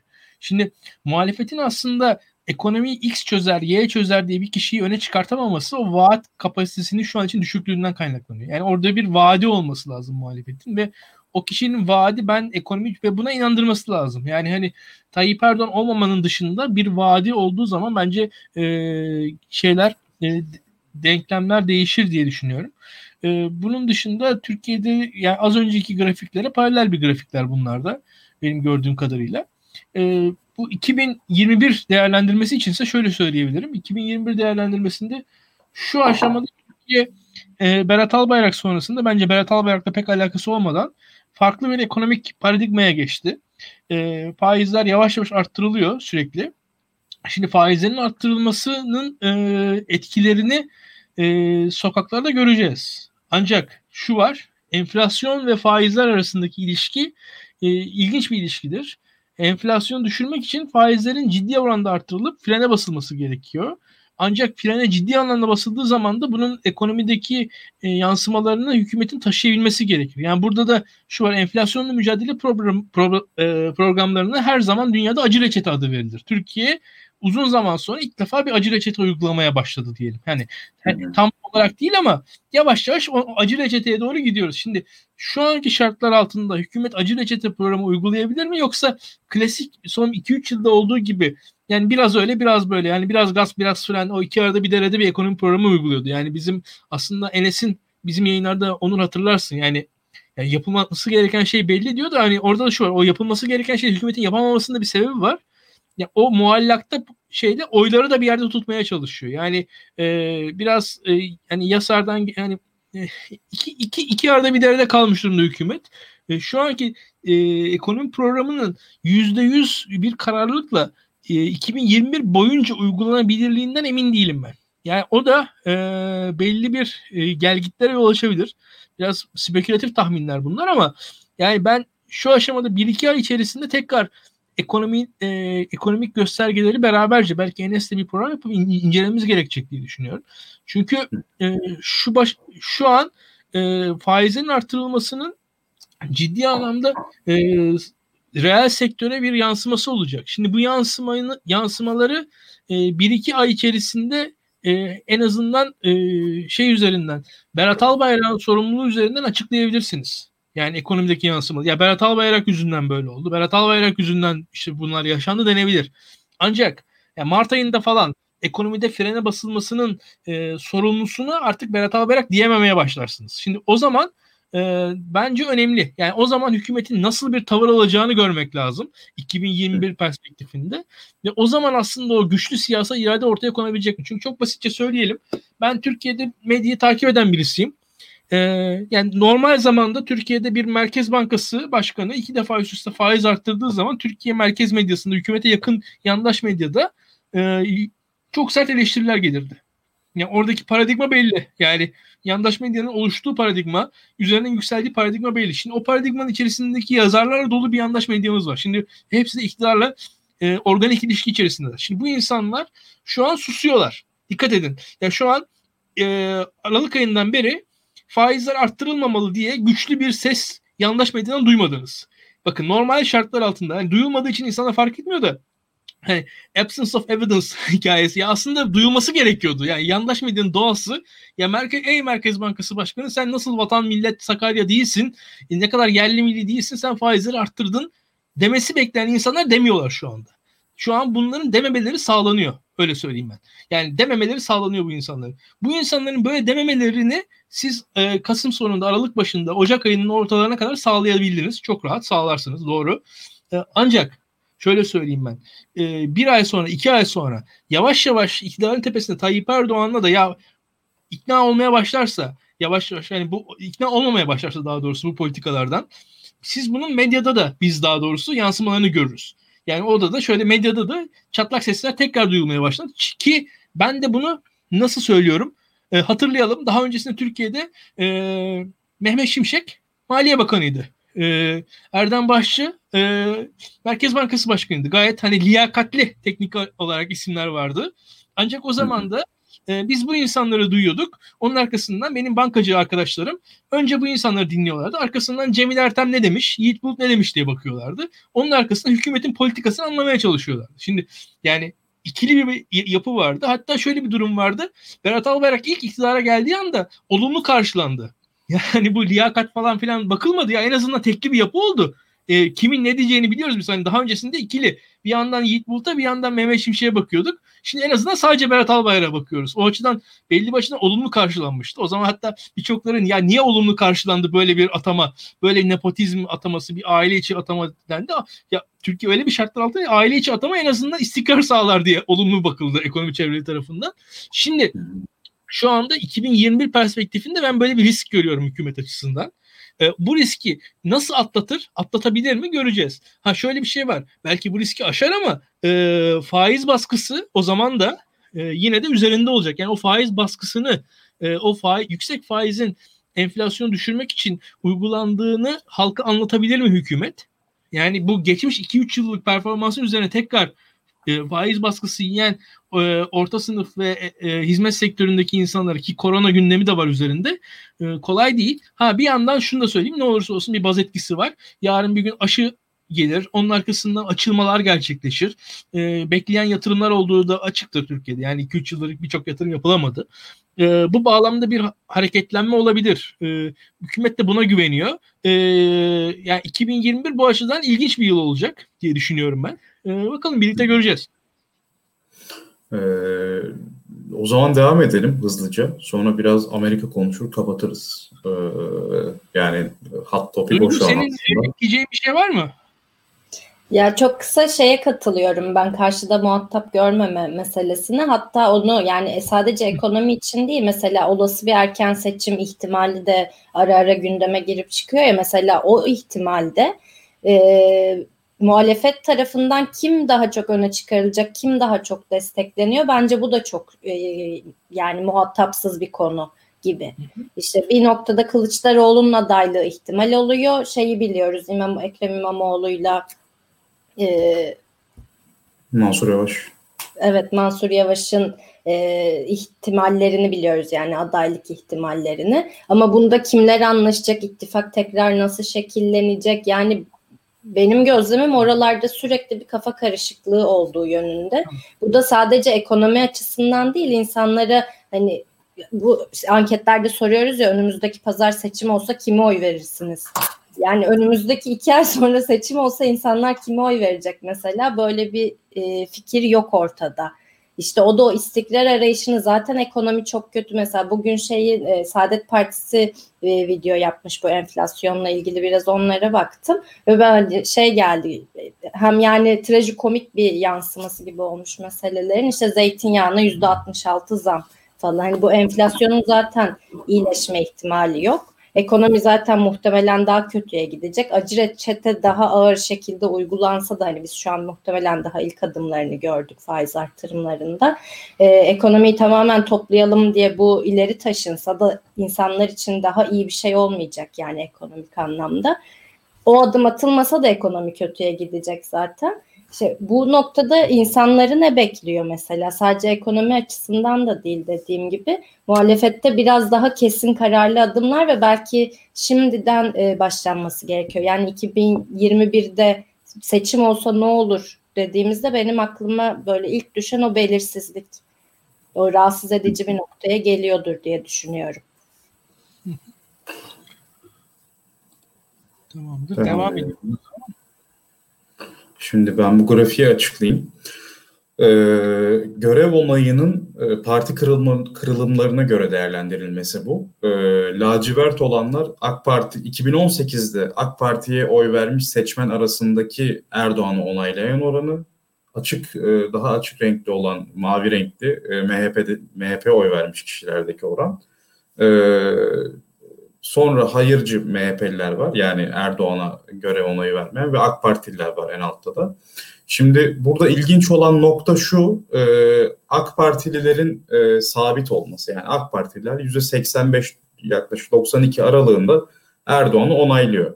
Gelişmelere göre dalgalansa da e, ezici bir çoğunluk Erdoğan'ın yanında. E, Erdoğan'ı onaylamayanların oranı ise %5 ila 11-12 arasında değişiyor. Burada vurucu olan şey MHP seçmeninin oynaklığı. Yani MHP seçmeninin üçte biri e, en başta yılın başına yaklaşık yani yüzde otuza yakını e, Erdoğan'ı onaylamazken bu yüzde altmışlarda onaylayanların oranı. E, koronavirüste yüzde yetmiş yediye ulaşıyor. Sonra yaz aylarında e, %57'lere tekrar geliyor. Pandemi yani şöyle pandemi bitene kadar o başarısızlık sürecinde e, kısıtlanmaların e, biraz daha esnetildiği döneme kadar. Sonra Azerbaycan meselesi başlıyor. İşte Ayasofya, Azerbaycan, e, Doğu Akdeniz gibi dış politika meseleleri gündeme geliyor. E, ekonomide e, görece rahatlama var. İşte kredilerin, a, düşük faizli kredilerin kullandırılmasıyla birlikte doğalgaz haberi gibi müjdeler var. E, bir anda MHP seçmenindeki oran %57'den %80'e fırlıyor. Yani e, MHP seçmeni burada gerçekten e, iktidarı e, belirleyebilecek bir seçmen grubu olduğunu gösteriyor. E, baktığınızda ekonomik sıkıntılarla birlikte %82'lik oranın %58'e düştüğünü görüyoruz. E, Erdoğan'ı onaylamam diyenler %7 iken Temmuz ayında Aralık'ta %35'e çıkıyor. Yani 5 kat artıyor. 4 kat artıyor, 5 kata çıkıyor. E, dolayısıyla burada e, AK Parti ve MHP seçmenlerinin Cumhur İttifakı'ndaki daha sadık ve daha az sadık olan iki grubu temsil ettiğini söylemek mümkün. Yani burada e, file verecek olan e, esas seçmen grubu MHP yani oran olarak. Tabii miktar olarak AK Parti seçmeni daha kalabalık olduğu için e, AK Parti'de yüzde beş onluk kayıp bile MHP kaybına tekabül ediyor. Fakat e, burada MHP seçmenindeki oynaklık e, iktidarın yüzde elli artı bir ile e, belirlendiği bu denklemde çok çarpıcı bence. Duygu sen nasıl görüyorsun bunu? Yani MHP seçmeni genelde daha bana şey gibi geliyor ideolojisine bağlı ve hani daha kemik bir kitle yani daha stratejik oy vermeye açık değil gibi geliyor bana MHP seçmeni. O yüzden bu aslında dalgalanmalar bana biraz enteresan geliyor. Hani bir tepkisel hareketlilik var muhtemelen. Yani şey önemli olacak gibi geliyor bana bu e, işte gündemde ama hala netleşmedi bu seçim sistemindeki değişiklik ihtimali. Eğer yani daraltılmış bölge ve ekstra çevre barajları gibi noktalara giderse konu mesela MHP ile AK Parti kendi içinde nasıl anlaşacak milletvekili çıkarma sayısı açısından çünkü bu önemli olacak. Hani senin de dediğin gibi AK Parti'nin mesela e, daha kalabalık bir kitlesi var ve sistem o şekilde zaten şu anda da biraz öyle hani en çok oy alan partiye milletvekili çıkarma hakkı her şekilde daha e, onun lehine oluyor. E, sistem daha da bu tarafa geliştirilirse bu eğer bir değişiklik yapılırsa MHP'nin bence e, seçmen kitlesinde buna da bir tepki olabilir. Eğer MHP hani parti biz evet bu seçimle ilerleyeceğiz ve daha az milletvekili çıkarmayı da kabul ediyoruz gibi giderse bence asıl oy oranlarındaki düşüş orada gözlemlenebilir. Çünkü o zaman MHP seçmeninin MHP seçmeni olmasının çok bir anlamı kalmıyor olacak. Kendilerini parlamentoda temsil edemez ya da çok daha az bir sayıyla temsil edebilir hale gelecekler. Yani gelecek için spekülasyon hani benim aklıma gelen o değişikliklerle biraz daha sanki durumun şekilleneceği yönünde. Ya ben e, MHP seçmeninin e, gerçekten MHP seçmeni olup olmadığından da emin değilim açıkçası. Yani e, bu ittifak sistemi ortaya çıktığından beri MHP seçmeni aslında e, hali hazırda memnuniyetsiz AK Parti seçmeni bunlar. Yani e, çok da e, MHP seçmeni gibi. Yani hükümeti destekleyen e, ama hükümetten memnun olmayan kitle MHP'ye oy veriyordu. Çünkü en hakiki öz MHP seçmenleri mi bunlar? Hangi hangi seçmen gerçek MHP seçmeni? Zor bir tartışma. E, ve burada şu var, e, bizim anketlerde genel olarak gördüklerimize bakarsak, ya MHP seçmeninin ben e, tam anlamıyla anlatılan seçmen olduğunu çok düşünmüyorum. Birazcık o konuda benim tezlerim farklı. Onur sen biliyorsun yani mesela Süleyman Soylu istifasında ben bu MHP seçmenin tepkisi değil demiştim hatırlıyorsan. Yani e, genelde o MHP seçmenin tepkisi yok. Ya şu an AK Parti seçmeni aslında en hakiki öz MHP seçmeni bence tam tersine. Evet. Hatta yani MHP seçmeni ise daha AK Parti seçmenine göre daha bir, bir, bir adım daha solda kalan bir seçmen. Yani orada bizdeki e, algılar e, bence şey yani Türk entelijansiyasının algıları 70 öncesinde oluşmuş algılar ve onlar devam ediyor. Yani aynı kuşak yaşa, yaşadığı için halbuki o ya şu an bambaşka bir MHP var orada ve e, özellikle de hatta şöyle söyleyeyim e, ya MHP seçmeninin ben e, yani mesela diğer partilerle kıyasladığımız zaman daha genç olduğunu düşünüyorum. Yani İyi Parti seçmenine göre mesela en azından. Ve burada da e, yani ekonomiden etkilenmeyen bir seçmen olduğunu düşünmüyorum MHP seçmeninin. Yani e, o kadar ağırlıklı e, erkek seçmen yani erkek seçmen de ya öğrenciye çalışan olduğu için e, piyasayı daha çok görüyor. Yani biraz cinsiyetçi bir yorum gibi okunabilir ama Türkiye'de maalesef böyle bir gerçek var yani erkekler sosyal hayata daha çok karışıyor özellikle geleneksel e, taşra çevrelerinde. E, dediğin gibi yani MHP seçmeni ben şöyle düşünüyorum artık AK Parti aslında büyük bir büyük birlik partisi şu an. Yani MHP'nin daha sağında yer alan daha İslami, daha Osmanlıcı, e, daha Cumhuriyet karşıtı bir seçmen.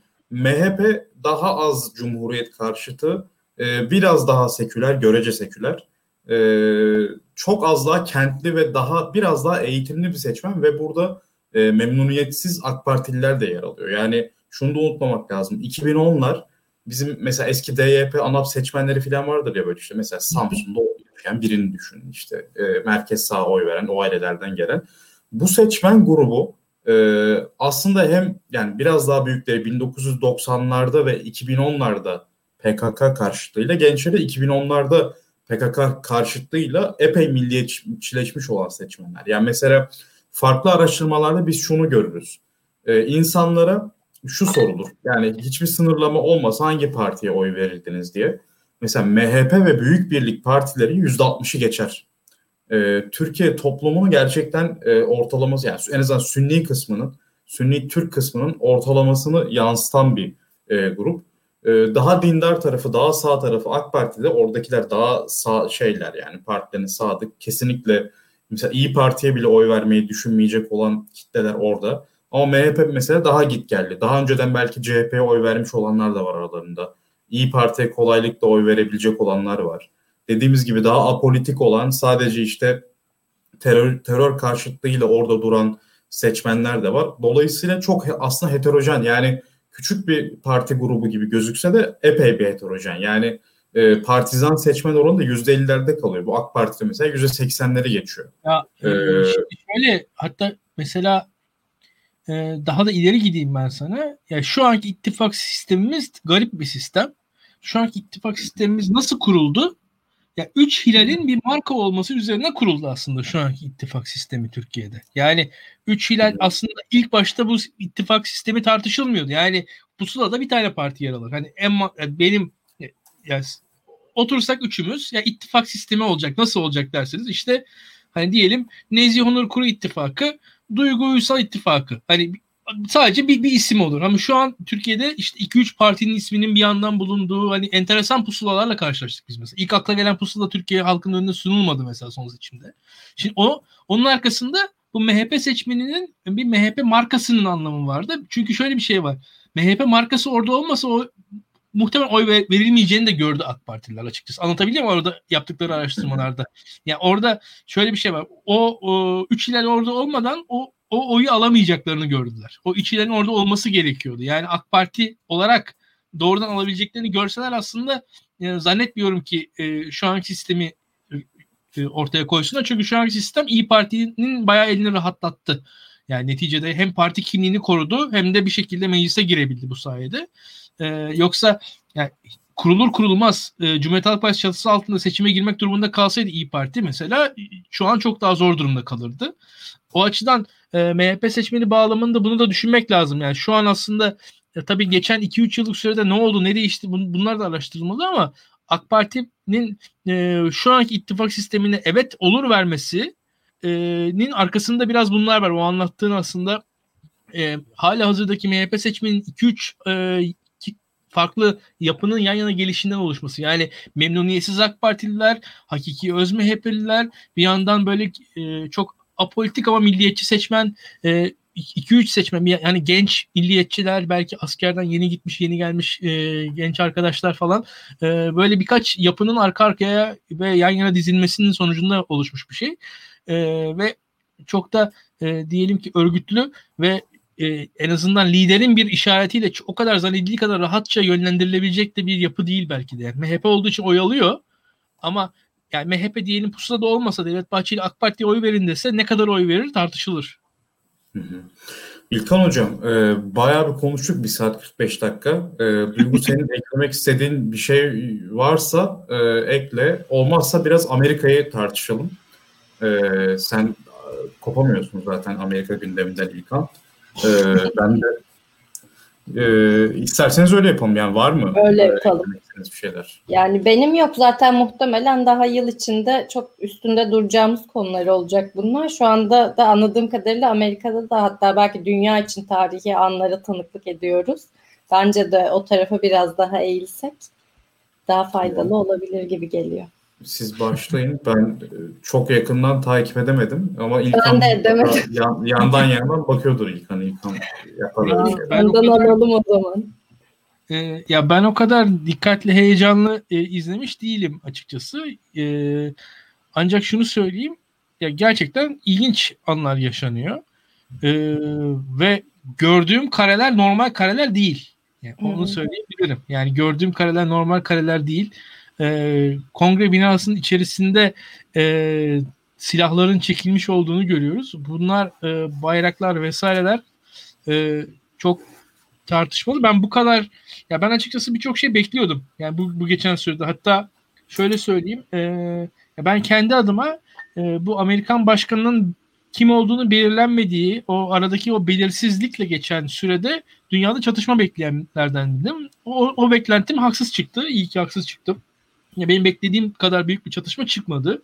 Gerçi hani Azeri Ermeni meselesini diyebilirsin ama çok da bu bağlamda anlamlı bir şey değildi. Yani Amerikan başkanı belli olsaydı olmasaydı çok değişmezdi. Ee, ama şunu söyleyebilirim. E, yani şu anda da bence e, uzun zamandır olan şeyler bu e, oylar belirlendikten sonra nispeten e, daha ziyade aslında 2024 seçimlerinin hazırlıkları bunlar diye düşünüyorum ben.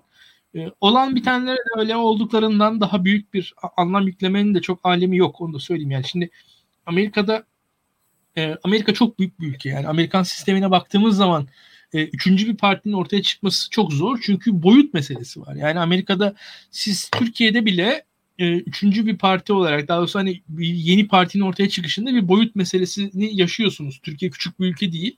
E, yani örgütlenme açısından Ali Babacan'ın, e, Ahmet Davutoğlu'nun ne kadar uğraştıklarını, ne kadar zorlandıklarını gördük. İl başkanı seçerken e, yerelde örgütlenirken Türkiye'deki işte yüzlerce ilçenin önemli sayısında örgütlenmeye çalışırken e, ve 40'tan fazla ilde örgütlenmek için e, ciddi sayı şekilde uğraşmak zorunda kaldılar. Ciddi bir maliyet bu. Yani bir partinin seçime girme e, yeterliliğine sahip olduktan sonra kongre toplaması gerekiyor.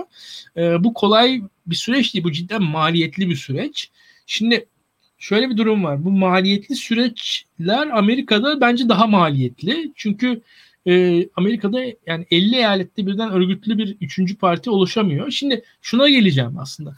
Yani Amerika'da böyle tekil eylemler o kadar da e, büyütülme, büyütülmemesi gerektiğini düşünüyorum ben. Daha ziyade suikast gibi e, eylemler bence Amerika'da daha etkili olabilir. E, bu tarz eylemler yani e, Amerika'nın federal bir ülke olduğunu düşünürsek yani Türkiye'de bence daha Türkiye'de olsa biz o zaman daha fazla korkmadık. Yani çünkü Türkiye sonuçta üniter bir devlet. Orada bir yerin basılmasının da anlamı bence daha büyük. Amerika neticede federal bir ülke ve Amerika kendi yolunda gider diye umuyorum en azından öyle söyleyeyim ben. Ee, birazcık daha sağduyulu bir yorum olsun. Her ne kadar olayla birazcık e, burayı karıştırmış birisi olsam da Amerika'nın sonuçta federal bir ülke olduğunu e, düşünmek lazım. E, fazla da e, bu işleri yükseltmemek gerekiyor. Ha nedir? İlgiyle izleyeceğiz tabii. Görüntüler yani e, ilginç, hakikaten ilginç. Yani bir yandan da ya bir tiyatro sahnesi gibi. Orada bu geyik kafatası avcı falan bir enteresan bir adam var orada. Ee, ve burada şunu görmek lazım. Yani Amerika'da öyle siz bir noktayı ele geçirerek Amerika'yı yönetemezsiniz. Yani Amerika hani darbe falan yok o değil. O, o Türkiye'de daha olası bir şey. Yani sonuçta Türkiye'de İstanbul ve Ankara'daki otoriteyi sağlayan Türkiye'de bir yandan otoriteyi sağlar. Yani çok şey konuşuyorum bu arada nasıl darbe yapılır şeyi gibi oldu. Malapante'nin kitabı. Yani e, Dikkatli orada da ama Amerika böyle evet evet. Yani hani Amerika böyle bir yer değil yani. Amerika'nın e, o, o açıdan da hani birazcık fazla heyecanlanmamak lazım. Suikastlere falan dikkat edilmeli. Zaten hani orada asıl tehlike o. Zaten Mike Pence e, dışarı alınmış. Bence orada çok önemli kişi, kritik kişi Mike Pence zaten. Ki burada e, şu önemliydi zaten burada Trump'ın oylaması sürecinde Mike Pence'in de bir e, rolü olacak e, neticede. Mike Pence'in oradaki pozisyonu önemli. Trump'la Mike Pence arasında 2024'de yönelik bir e, acaba bir gerginlik de olabilir bence. Onu da bir kenara alalım. Yani orada Mike Pence'in kişiliği önemli. Mike Pence'in tutumu da önemli olacaktır. Hikaye bence bu, bu bağlamda açıklanacak bir şey. Yoksa yani darbe falan e, çok gerçekçi değil. Ama ya Amerikan tarihine ben geriye dönüp baktığım zaman hani ne zaman darbe olmuştur? Ya şimdi burada hepimiz e, Oliver Stone'un e, JFK filmini izlemişizdir. Yani orada bir kendi suikastini darbe diye anlatmaya çalışır. E, burada ya Amerikan tarihinde yakın tarihinde bizim acaba darbe diye bir deyip de, diyebileceğimiz tek şey o olabilir diye düşünüyorum. Yani o, onun dışında e, bu tarz eylemler bence sınırlı etkisi olacak. Ama konunun uzmanı geldi zaten. Yunus Yunus yayınımızda. Merhabalar arkadaşlar. Ee, Washington'da durumlar çok karışık. ee, şimdi neler oluyor ya? Ya şimdi bence şu anda çok yanlış bir şekilde konuşuyoruz. Öncelikle bunu söylemem lazım. Hani göstericiler hangi odadalar, ne yaptılar, hangi merdivendeler falan gibi bir Türkiye kamuoyu şu anda e, göstericilerin lokasyonunu tartışıyor. Bugün göstericiler hangi toplantıyı bastılar? Bu çok önemli. Bugün göstericiler Amerikan başkanlık seçim sonuçlarının açıklandığı, oyların açıklandığı Amerika'daki en önemli oturumu bastılar. Burayı nasıl bastılar? Trump'ın yönlendirmesiyle, hedef göstermesiyle yani Amerika'nın anayasasının na göre e, hareket eden bir başkanın bu anayasaya göre en üst konumda olan kişinin yönlendirmesiyle başkanlık değişiminin temel bir noktasının e, görüldüğü oylama basıldı. Bu çok kritik bir şey. Şu anda Amerikalılar şokta. Böyle bir şeyin yaşandığına, böyle bir şeyin olduğuna inanamıyorlar. Şu an bütün ülkelerin Dışişleri Bakanlıkları Amerikalılar için e, kınama açıklaması yayınlıyorlar. Amerika'daki yaşananlar için şu an kınama açıklamaları yayınlanıyor. Bundan sonra Amerika demokrasi seçim konusunda en ufak bir şey derse bu görüntüler hatırlanacak. Bu çok önemli bir sahne şu anda. Yani e, Amerika hep şunu diyordu. Trump'tan sonra Amerika e, ne oldu? Amerika eskisi gibi olabilir mi? İşte Amerika bu. Amerika şu anda yaşanan görüntülerin ta kendisi. Ee, ben şeyi merak ediyorum. Burada Mike Pence'in e, kritik rolünden bahsediyoruz ya. Onu biraz daha açabilir miyiz? Yani ben o detayı bilmiyorum yani. Şimdi şöyle bir durum var e, bu e, şu tweet'i atalım da insanların haberi olsun. ben de attım. Zaten izleyici sayısı bayağı bir arttı şu an. Şu, şu anda zaten önceki konuğunuz e, önce, önceki konuğunuz da Yunus Emre'ymiş. Bugün Yunus Emre'nin günü. Aynen. İki, iki Yunus Emre'yi ağırlıyoruz.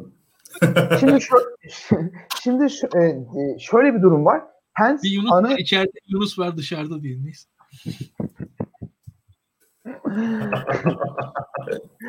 Sordum Sarı Bakan'a.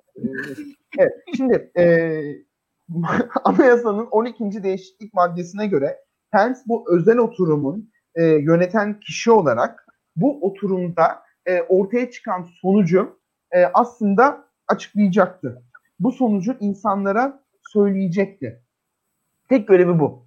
Trump dedi ki Pence bu oturumun başkanıysa bu oturumdan çıkan sonucu da reddedip reddetmeme imkanına sahip. Bunu mitinginde ya, tweetlerinde söyledi. Pence Trump konuşma yaparken dedi ki e, böyle bir imkan e, yok. Ben anayasada olmayan bir yetkimi kullanamam dedi ve Trump'a karşı siyasi sadakati ile anayasaya ve hukuka bağlılığı arasında siyasi sadakati seçti. Ay, e, anayasaya bağlılığı seçti. Birçok Trump'ın atadığı yargıç gibi, yüksek mahkeme yargıçları gibi, cumhuriyetçi seçim yetkilileri gibi, cumhuriyetçi valiler gibi Mike Pence de Trump mı anayasa mı, Trump mı hukuk mu ikileminde hukuk ve anayasa dedi. Pence bugüne kadar Trump'ın hiçbir hatasını, hiçbir yanlışını durdurmadı. Hiç sesini çıkarmadı. Ama gider ayak Pence belki bir sonraki nesillere ben en azından hukuka aykırı bir şey yapmadım ve seçimi seçim sonuçlarını hukuksuz bir şekilde döndürmeye çalışılmasını engelledim. Anayasaya uydum diyecek. Bugün Pence seçim sonuçlarını reddetseydi bu göstericiler oraya yürümeyecekti. Pence o göstericiler için bir ihanet gerçekleştirdiği için bu göstericiler gidiyor. Ve bu ihanet anayasadaki açık kurala, hukuka. Bugün insanlar hukuku protesto ediyorlar burada. Bunu takip etmemiz lazım. Yani Biden'ın başkan seçilmesini protesto etmekten öte bir durum var.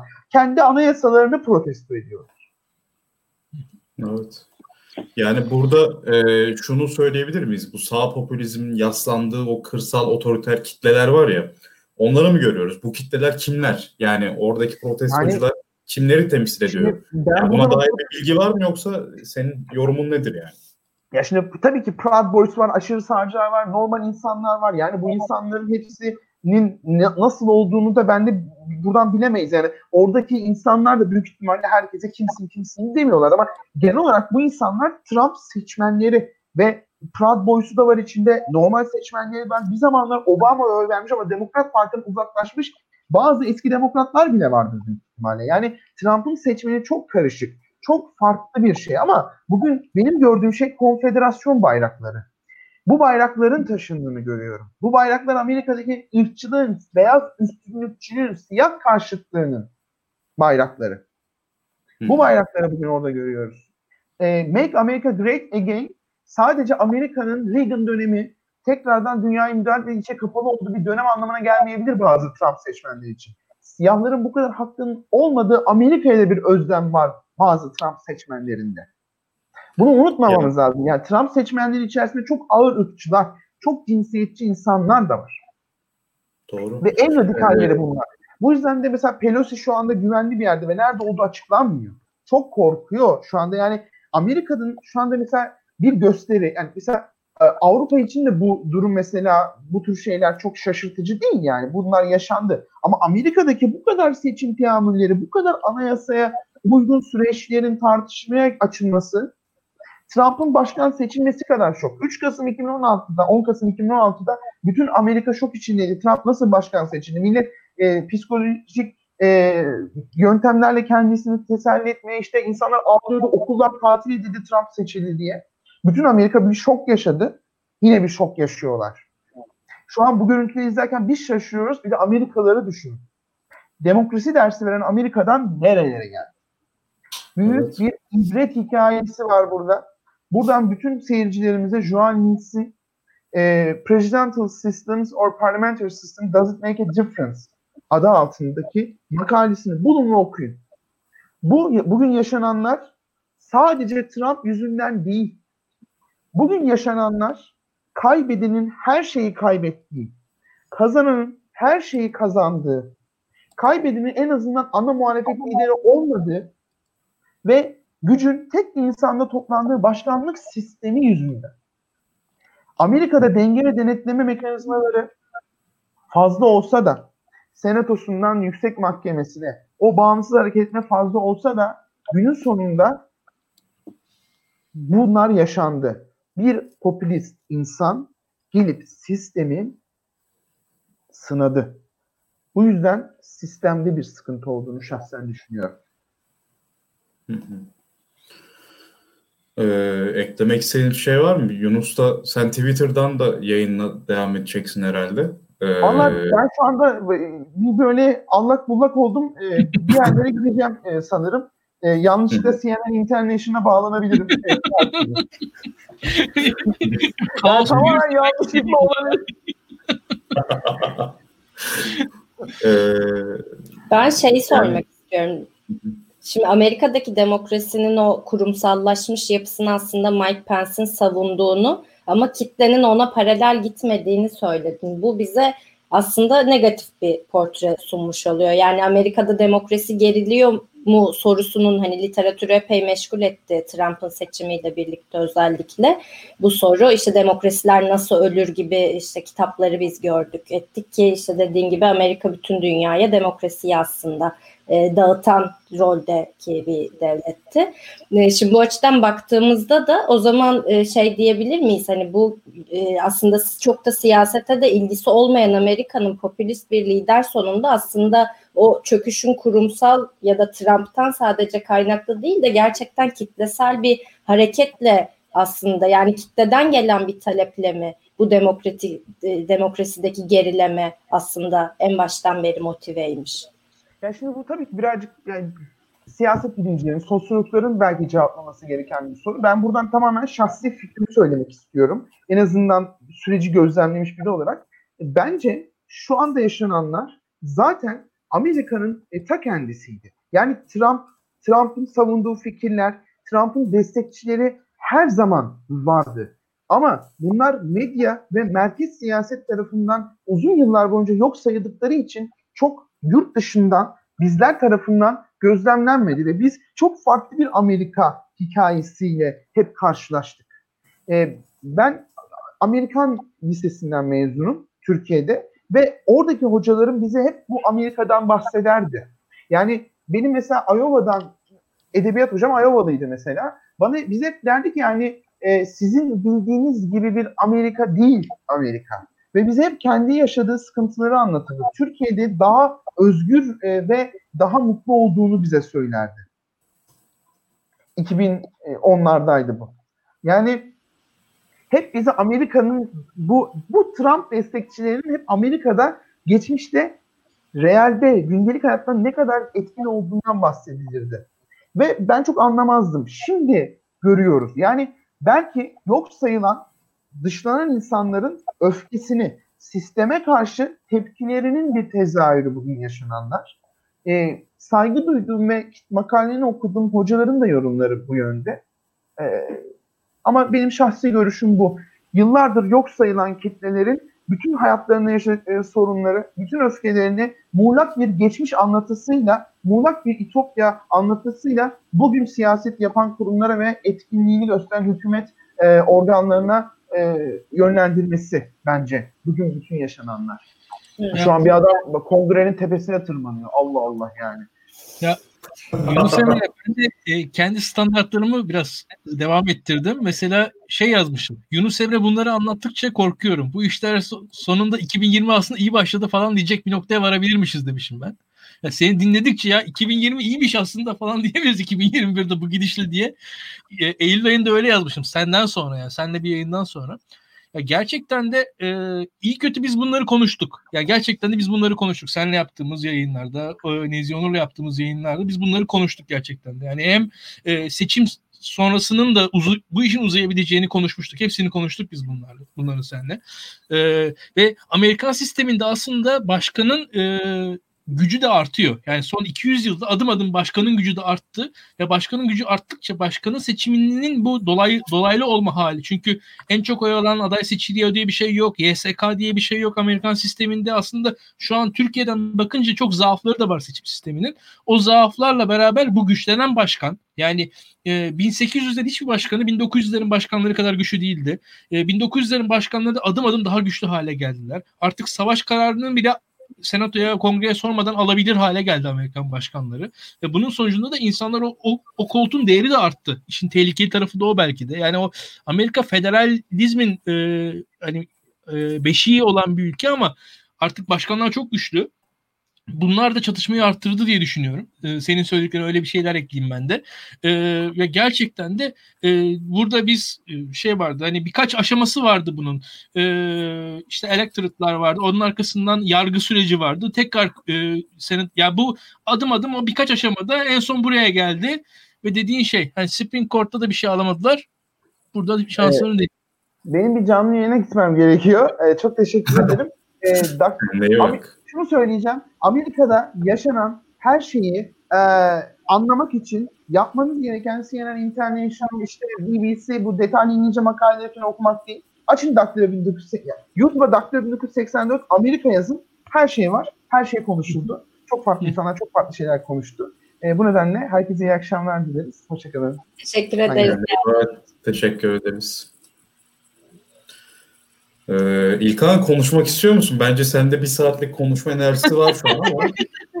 ya aslında var. Yani tahmin ettiğim gibi bir olay olmuş. Ee, orada çok olayı takip etmeden iyi tahmin etmişim en azından.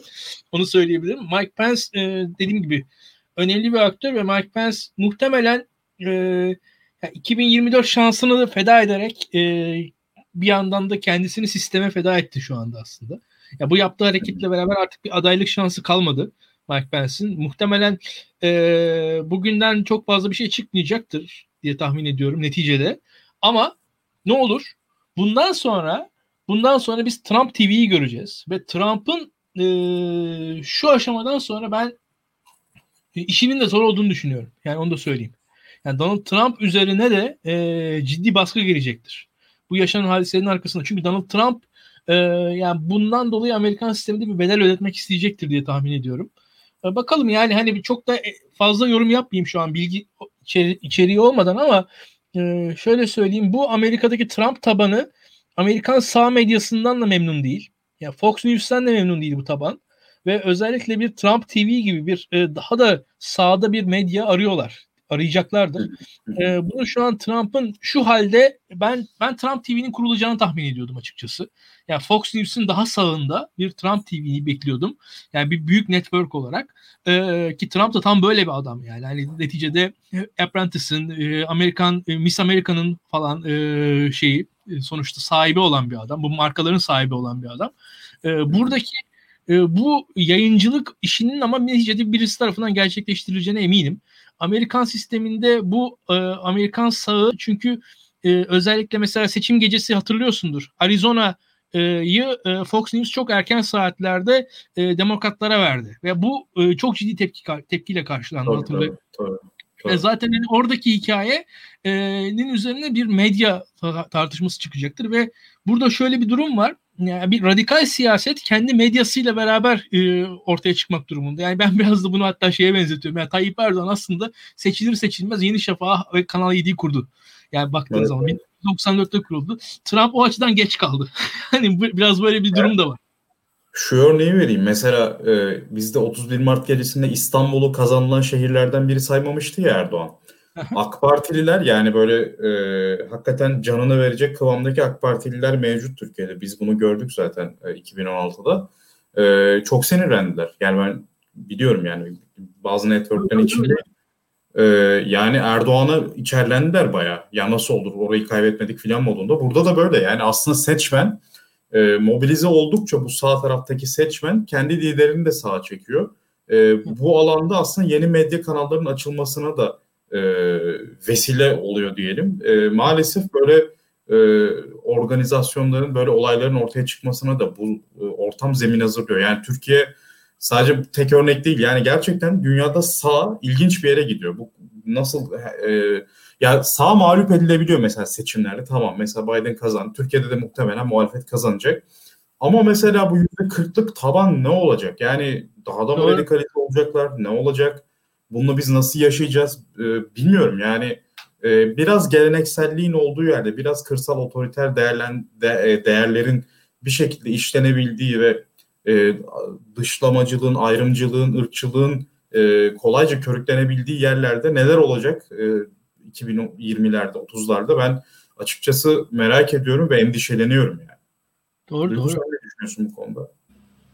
Yani senin dediğin noktadan bakınca aslında e, Yunus'un da bahsettiği bir şey oldu bu. Bu sistemsel bir tartışmaya doğru gidiyor. Yani kitleleri Amerika'daki mesela başkanlık sistemi neye sıkıştırıyor? İşte üçüncü bir parti çıkma ihtimalinin zorluğundan bahsettik. Zaten buna sistem izin vermiyor.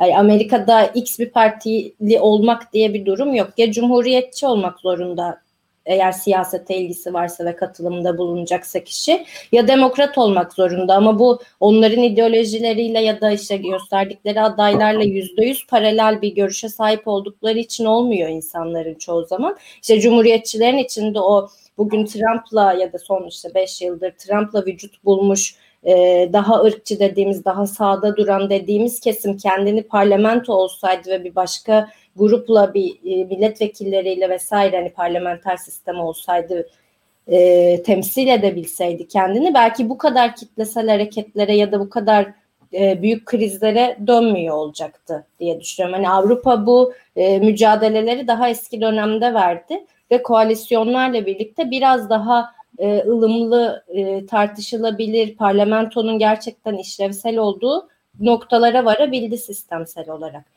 Ama Amerika için bu hiçbir zaman seçenek olmadı. Dolayısıyla aslında o birikmiş enerjinin bir patlaması olmuş oluyor. Ha Trump gelmeseydi belki yine kanalize olmayacaktı bu grup insanlar. Ama e, belki de hemen Obama'nın ardından kendini daha dışarıda, daha dışlanmış hissediyordu. Belki Trump'ın gelişi de bununla bağlantılıydı zaten. Yani çünkü baktığımızda tam onun karşısında duran bir kitle görüyoruz anladığım kadarıyla.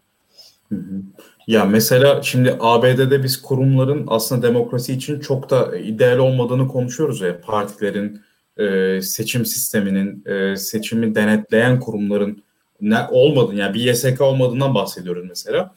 Şimdi Almanya örneği var. Almanya'da çok partili bir sistem var. E, istikrar var. İşte e, sağ parti iktidarda olmasına rağmen gayet neredeyse sosyal demokrat çizgiye gelmiş durumda. E, ırkçılıktan çok uzak durumda. Fakat mesela neonaziler benim hatırladığım Eylül ya da Ekim ayında e, meclis binasını basmaya kalktı orada. Polisler izin vermedi. Yani aslında e, tarihsel olarak e, ırkçı, milliyetçi e, bir geçmişi olan ülkelerle Türkiye de buna dahil maalesef. E, böyle bir refleks var ve bu e, kolayca güçlenebiliyor. Burada sosyal medyanın olumsuz etkisi var. Yani çünkü insanlar birbirini kolayca buluyorlar ve alt kültürleri çok hızlı yaratıyorlar. E, gençlerde zaten sinik pesimist bir hava var. O etnik milliyetçilik farklı bir üstünlük hissi veriyor. eğitimliler de bunun içinde yer alıyor bu arada. Yani sadece kırsal kesimlerden gelen insanlar değil bunlar e, kolayca bu tarz e, saldırılar ortaya çıkabiliyor artık. Yani bu endişe verici bence. Tekil bir olay olarak ele alınmaması lazım. Yani genelde ABD'de şu vardır ya işte azınlık olunca terörizmle hemen ilişkilendirilir ama işte beyaz birisi e, bu tarz bir suç eyleminde bulununca tekil bir e, olay olarak algılanır ve e, bir gruba bağlanmaz yani genel olarak. Bence e, büyük bir alarm verdi aslında ABD bu konuda hem Trump'ın seçilmesi ve sonrasındaki bu tarz e, hadiseler e, dünyada demokrasinin geleceği adına e, düşündürüyor gerçekten. Bu arada ben bir de e, arkadaşlara bir film önereyim. Polonya yapımı Hater diye bir film var Netflix'te. Ee, Polonya'da daha öncesinde de bir politik suikast gerçekleşmişti. Bir, be- bir belediye başkanının e, başına gelmişti. Polonya'da da bu sağ siyasetle merkez siyaset arası çatışmanın yoğun olduğu bir ülke açıkçası. Taşra e, ile kent arasında çelişkinin yoğun olduğu olarak yaşandığı bir ülke. Polonya'dan bahsediyor. Ben kendi adıma e, faydalandım. Sen sadece bir film ama e, iyi bir film açıkçası. E, Hater diye Polonya yapımı bir e, 2020 yapımı bir film var Netflix'te. Herkese tavsiye ederim. Tam bu konuları iç, e, işliyor açıkçası. E, orada insanların e, psikolojileri, insanın hissettikleri yani e, tamamen her zaman yani her zaman değil hani her zaman rasyonel olmuyor. Yani burada bir duygu boyutu var işin. O duygu boyutunu nasıl çözebiliriz? Nasıl ortaya çıkar bu bunun çözümü olur? Kolay değil. Ben yani zor bu işler. Ee, daha kapsayıcı bir e, düşünce yapısına insanlık erişirse ancak olabilir. Orada da bu bu kolay bir bu zihniyet değişimini içerecek bir şey. Yani e, şöyle şöyle yapılır da sonuç alınır denemin diyemiyorum ben yani öyle söyleyeyim ben burada. E, buradaki insanların önemli kısmı yaşadıklarıyla yani e, yani varlıklarından dolayı zaten diğerlerine karşılar. Yani neti neticede ben biraz şey oluyorum. Mesela American Psycho kitabını bilirsiniz. Ya American Psycho kitabına dalga geçilen karakter Trump'tır. Yani düşünün oradaki entelijansiyanın dalga geçtiği insan Donald Trump'tı zaten. Donald Trump en çok dalga geçen adam olduğu için en çok sevilen adam haline geldi. Yani Amerikan e, yani Amerika'da 25 yıl boyunca adama dalga geçildi neticede karikatürize edildi ve yani oradaki insanların hepsi de Trump'a verenler Trump'ı çok sevdikleri için değil Trump'ı karşı taraftakiler hiç sevmedikleri için oy verdiler aslında birazcık da. Bence öyle hissediyorum ben yani. Hani bu, bu duygular önemli. E, Trump'ın imajı e, tesadüf değil. Yani Trump 25 yıldır bir imajı oturttu ve o imaj e, yani zengin olmasına rağmen belli winner e, nitelikleri olmasına rağmen ama e, oradaki e, establishment tarafından hiçbir zaman kabul edilmeyen birisi oldu. E, bu da Trump'ın bu e, sürpriz başarısının arkasındaki etmenlerden birisiydi. Kolay değil yani e, ya belki işte hani duygu daha güzel şeyler anlatır bize. Yani onun bizim benim bakış açım sınırlı kalabiliyor. Bunun buna dair nereye kadar gidebiliriz bilmiyorum ve ya şöyle bir durum var. E, şimdi demokrasi e, neticede şöyle bir şey yani Onur. Yani bir e, yönetim değişiminin e, çok e, de, e, kansız bir yolu biz bulduk diye seviniyoruz. Yani anlatabiliyor muyum? Bir şekilde hem meşru hem kansız. Şimdi yani neticede bizim tarihimizde kardeş katli var. Yani bu ıı, şaka değil yani gerçekten insanlar kardeşlerini öldürüyorlar iktidar için. Yani bu ve bu gayet kanunlaşmış bir şey. Meşru olarak yani biz kendi tarihimizde kardeş öldürmeyi meşru olarak görmüşüz iktidar adına. Şimdi iktidar evet. böyle bir şey. Yani e, ve burada şöyle bir durum var. Siz diyorsunuz ki iktidarı değiştireceğiz ve bir şekilde herkes kabul edecek. Şimdi bu kabul zemini için e, yani kabul zemini tamam oy çokluğu önemli. Oy çokluğu önemli ama iktidarı niye verelim? sorusunun da bir cevabı olması lazım. İktidar kime verilebilir sorusunun yine cevapları. Yani oradaki meşruiyetin e, üzerine tekrar konuşmamız gerekiyor. Yani demokrasi dediğimiz şey tırnak içerisinde zaten şu an tekrar tekrar tartışılıyor. E, toplumsal yani toplum olmadıktan sonra yani bir e, ortaklık oluşmadıktan sonra ortaklık daha doğrusu koptuktan sonra e, tekrar bu demokrasiyi işletmek de zorlaşıyor. O gözüküyor yani e, şu an tüm uluslar e, bu testlerin içerisine tekrar tekrar giriyorlar. E, ve bundan sonra şöyle söyleyeyim ben. E, tüm seçimleri kazanan iktidarların da bir sorumluluğu olacaktır. Yani bu, bunu ve sorumlu olarak hareket etmeleri gerekecektir bundan sonra da. Bundan bu şey şimdi de tabii ki. Yani demokratik olarak seçildiklerini e, neticede e, meşruiyetin tüm toplumdan geldiğini yani top, tabii ki onların seçilmesinin onların tabanından geldiğini ama tüm toplumun aslında bir siyasi irade sahibi oldu. Yani tüm halk egemendir. Yani halkın tamamı egemen Türkiye'de. Yani halkın yüzde 51'i egemen değil. Halkın yüzde 100'ü egemen. Halkın yüzde 100'ü adına yüzde 51'in seçtiği yönetiyor. Yani bu, bu, bu, bu kavramların daha e, doğru bir şekilde benimsenmesi gerekiyor. Yoksa e, çatışma e, mukadderdir. Yani neticede e, iktidar için dediğimiz gibi yani biz ya kardeşinin öldürülmesini, kardeş katlinin meşru görülebileceği bir noktaya kadar gidebilmişiz. Şimdi bu olmasın diye uğraşılıyor. Ee, kuruluyor bu sistemler. Zor. bu arada Pelosi'nin ofisi basılmış. Ee, bilgisayarlar ve e-posta hesapları açık vaziyette ele geçirildi yazıyor haberde. Trump yanları Pelosi'nin e-postalarını yayınlamaya başlamış. Ee, böyle bir haber var. Ee, Pence'te yani işte bu eylemler e, normalde barışçıl protestolar her Amerikalının hakkı fakat bu eylem e, hiçbir şekilde tolere edilmeyecek yani e, cezalandırılacak diye tweet atmış. Ee, ve binayı terk etmeleri yönünde çağrıda bulunmuş. Ee, bu da önemli. Ee, yani şey ilginç burada Cumhuriyetçi Parti'nin de e, yani kendi seçmenine sahip çıkamadığı görülüyor. Bu kitle psikolojisine yaslanmanın e, dezavantajı da bu aslında. Yani seçmeninizi kontrol edemeyecek noktaya geliyorsunuz. Ya benim endişelendiğim şey mesela e, bu ırkçılığın dünya genelinde yeniden tetiklenebilir olması.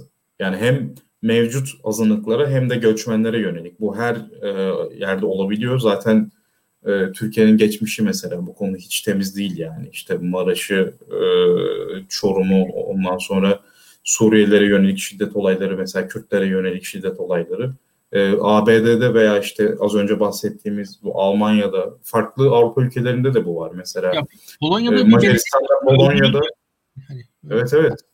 Yani bu endişe verici bir şey. Ee, yani bence burada görev biraz sağ partilere düşüyor. Yani sağ parti elitleri artık e, bu çılgınlığı bırakması lazım. Yani bir yerde bilmiyorum nasıl olacak ama gerçekten bu bir çılgınlık yani bu kadar e, ırkçılığı tetikleyecek şekilde göçmen karşıtlığı, azınlık karşıtlığı filan e, ya bunun bir ince ayarı yok yani. Ben mesela Türkiye'de İyi Parti'nin de bunu yapabileceğini düşünüyordum. Bundan korkuyordum açıkçası. Fakat orada mesela Meral Akşener daha makul bir görüntü çizdi. Daha e, sakin bir söylem ortaya koyuyor ve Mesela Suriye'dir gündem yapmıyor. Normal İyi Parti yapabilir. Seküler Milliyetçi Parti muhalif yani aynı zamanda.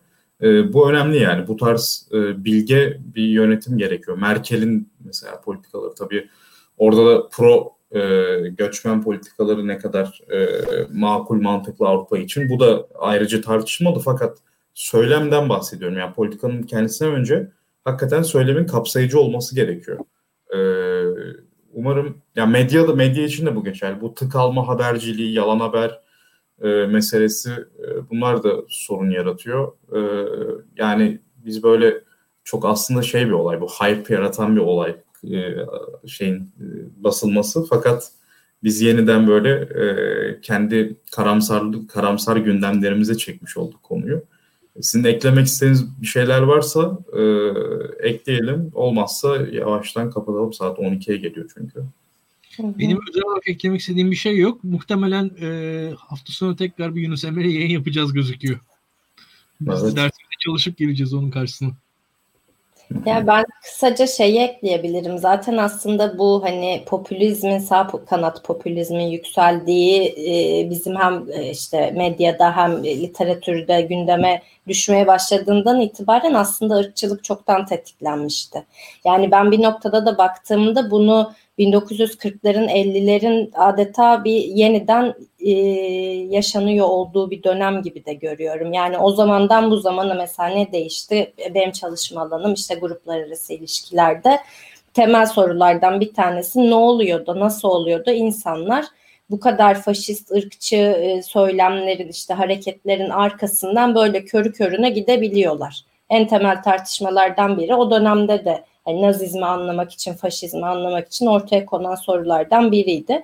Bugün de öyle. Dediğiniz gibi Avrupa'da da aslında bu hareketler yükseliyor. Yani Almanya'da da yükseliyor, Hollanda'da da, Yunanistan'da da keza daha yanlış hatırlamıyorsam birkaç ay önce parti kapatıldı. Yine ırkçı söylemleri nedeniyle. Yani her yerde bu göçün arttığı, mobilizasyonun arttığını göz önünde bulundurunca ve artacağını da muhtemelen bu iklim krizleriyle falan da birlikte gelecekte daha da kötü tablolar çizilebilir. İşte o noktada yine söylemin önemine gidiyor. Kitleleri ne kadar mobilize etmeye yönelik e, muhatap var. Söylem ne nasıl diskur nasıl öyle şekillendiriliyor önemli. Ya bir de şunu ekleyeyim Duygu. Ee, ya Yunus Emre dedi ya hani bizim gördüğümüz Amerika ile hakiki Amerika arasındaki fark. Ya burada mesela Türk entelijansiyasının zayıflığını da tam gösteren bir şey bu. Ee, Pastor Bronson meselesi Türkiye'de yaşandıysa da herkes şey diyordu Türkiye'de. Yani çok büyük uzmanlar, diplomatlar, akademisyenler, profesörler ya çok önemli meseleler var. Pastor Brownson meselesi sembolik. Ya aslında önemli mesele Pastor Brownson meselesiydi. Yani çünkü Pastor Brownson'un bir tabanı var. Yani şu an burada görüyoruz yani adamlar meclisi bastılar. Yani neticede orada hakikaten Amerikan halkının açısından tam Türkiye'de S-400 olsa ne olmasa ne F-35 olsa ne olsa sıradan Amerikalı average Joe için çok fazla bir şey değil. Ama mesela Pastor Brownson meselesi şu eminim meclis binasını basan herkes için önemli bir meseleydi. Yani burada mesela bir de hani orada e, halk tabanına bastığı zaman dış politika e, çok uç noktalara gidebiliyor ülkeler. Ama halk tabanına basmadığı zaman aslında elitler arası meseleyi halledebiliyorsunuz siz. Türkiye açısından bir onu söylemek lazım. Yani burada da e, yani Türk, Türkiye'de biraz yanlış okuduk biz onu ve ondan dolayı da belki hatta hükümet de yanlış okudu bence. Amerika'nın bu kadar ileri gidebileceğini düşünmüyordu. Bir tane önemsiz birisi falan diye düşünüyordu. Evet. biz burada direniriz falan diye direnemedi Türkiye yani neticede. Ee, burada da hani Amerikan halkının eğer Amerikan halkı o dış politikanın bir paydası pay, e, paydaşı olduğu anda Amerika'nın e, duruşu e, dehşetli bir pragmatik tamam tamamen ilkesiz noktasından inanılmaz sert bir noktaya kayabiliyor. Hani ve bu Amerika'da var yani. Amerika'da hani diğer noktalarda her şey pazarlık içerisinde al ver hani o at pazarlığı deniyor ya. O, o şekil bir noktaya gidebilirken e, Pastor Brownson mesela şeye geldiği anda bir anda sertleşti olay ve e, biz onu algılayamadık Türkiye olarak. Yani gelecek süreçte de Amerikan toplumunu iyi analiz edilmesi lazım Türkiye'de. Yani yarın bir gün e, benzer krizler yaşamayalım diye ekleyeyim ben. bu aklıma geldi evet. bu arada. Doğru. Benim bir de hem yorumlardan birinde de gördüm. Da bence değinilmesi gereken bir nokta. Hani muhtemelen bu yayında onu açamayız ama Amerika'daki silahlanma, bireysel silahlanmanın da aslında e, bu olayda muhtemelen büyük bir etkisi olacak. Yani biz Türkiye'de ya da Avrupa'nın birçoğunda böyle bir şey görmüyoruz ama Amerika'da ciddi bir bireysel silahlanma ve silaha dair bir aşk yani marketlerde gayet tüfeklerin, silahların insanların satışında olduğu ya da çocuklara özendirildiği işte e, hani kız çocuklar için pembe silahlar yok erkekler için daha onlara cazip gelecek şekilde falan. Hani çok daha aslında çocuk sosyal öğrenmenin içindeyken silah çok normalleştirilmiş bir e, kültür Amerika'da. Belki en önemli konulardan biri bu siyah yani çünkü Amerika'da şey çok görmüyorduk bence. Böyle siyasal protestolar falan. Bir Avrupa kadar aktif bir toplum değildi Amerika ta ki ben yani muhtemelen 2020'ye kadar önce George Floyd'la şimdi karşı bir taraf yani en kritik noktalardan biri muhtemelen o silahlanma meselesi olacak. Kesinlikle. Kesinlikle. Umarım vahim tablolar görmeyiz diyeyim. Ekleyeceğiniz bir şey yoksa da yayını kapatabiliriz.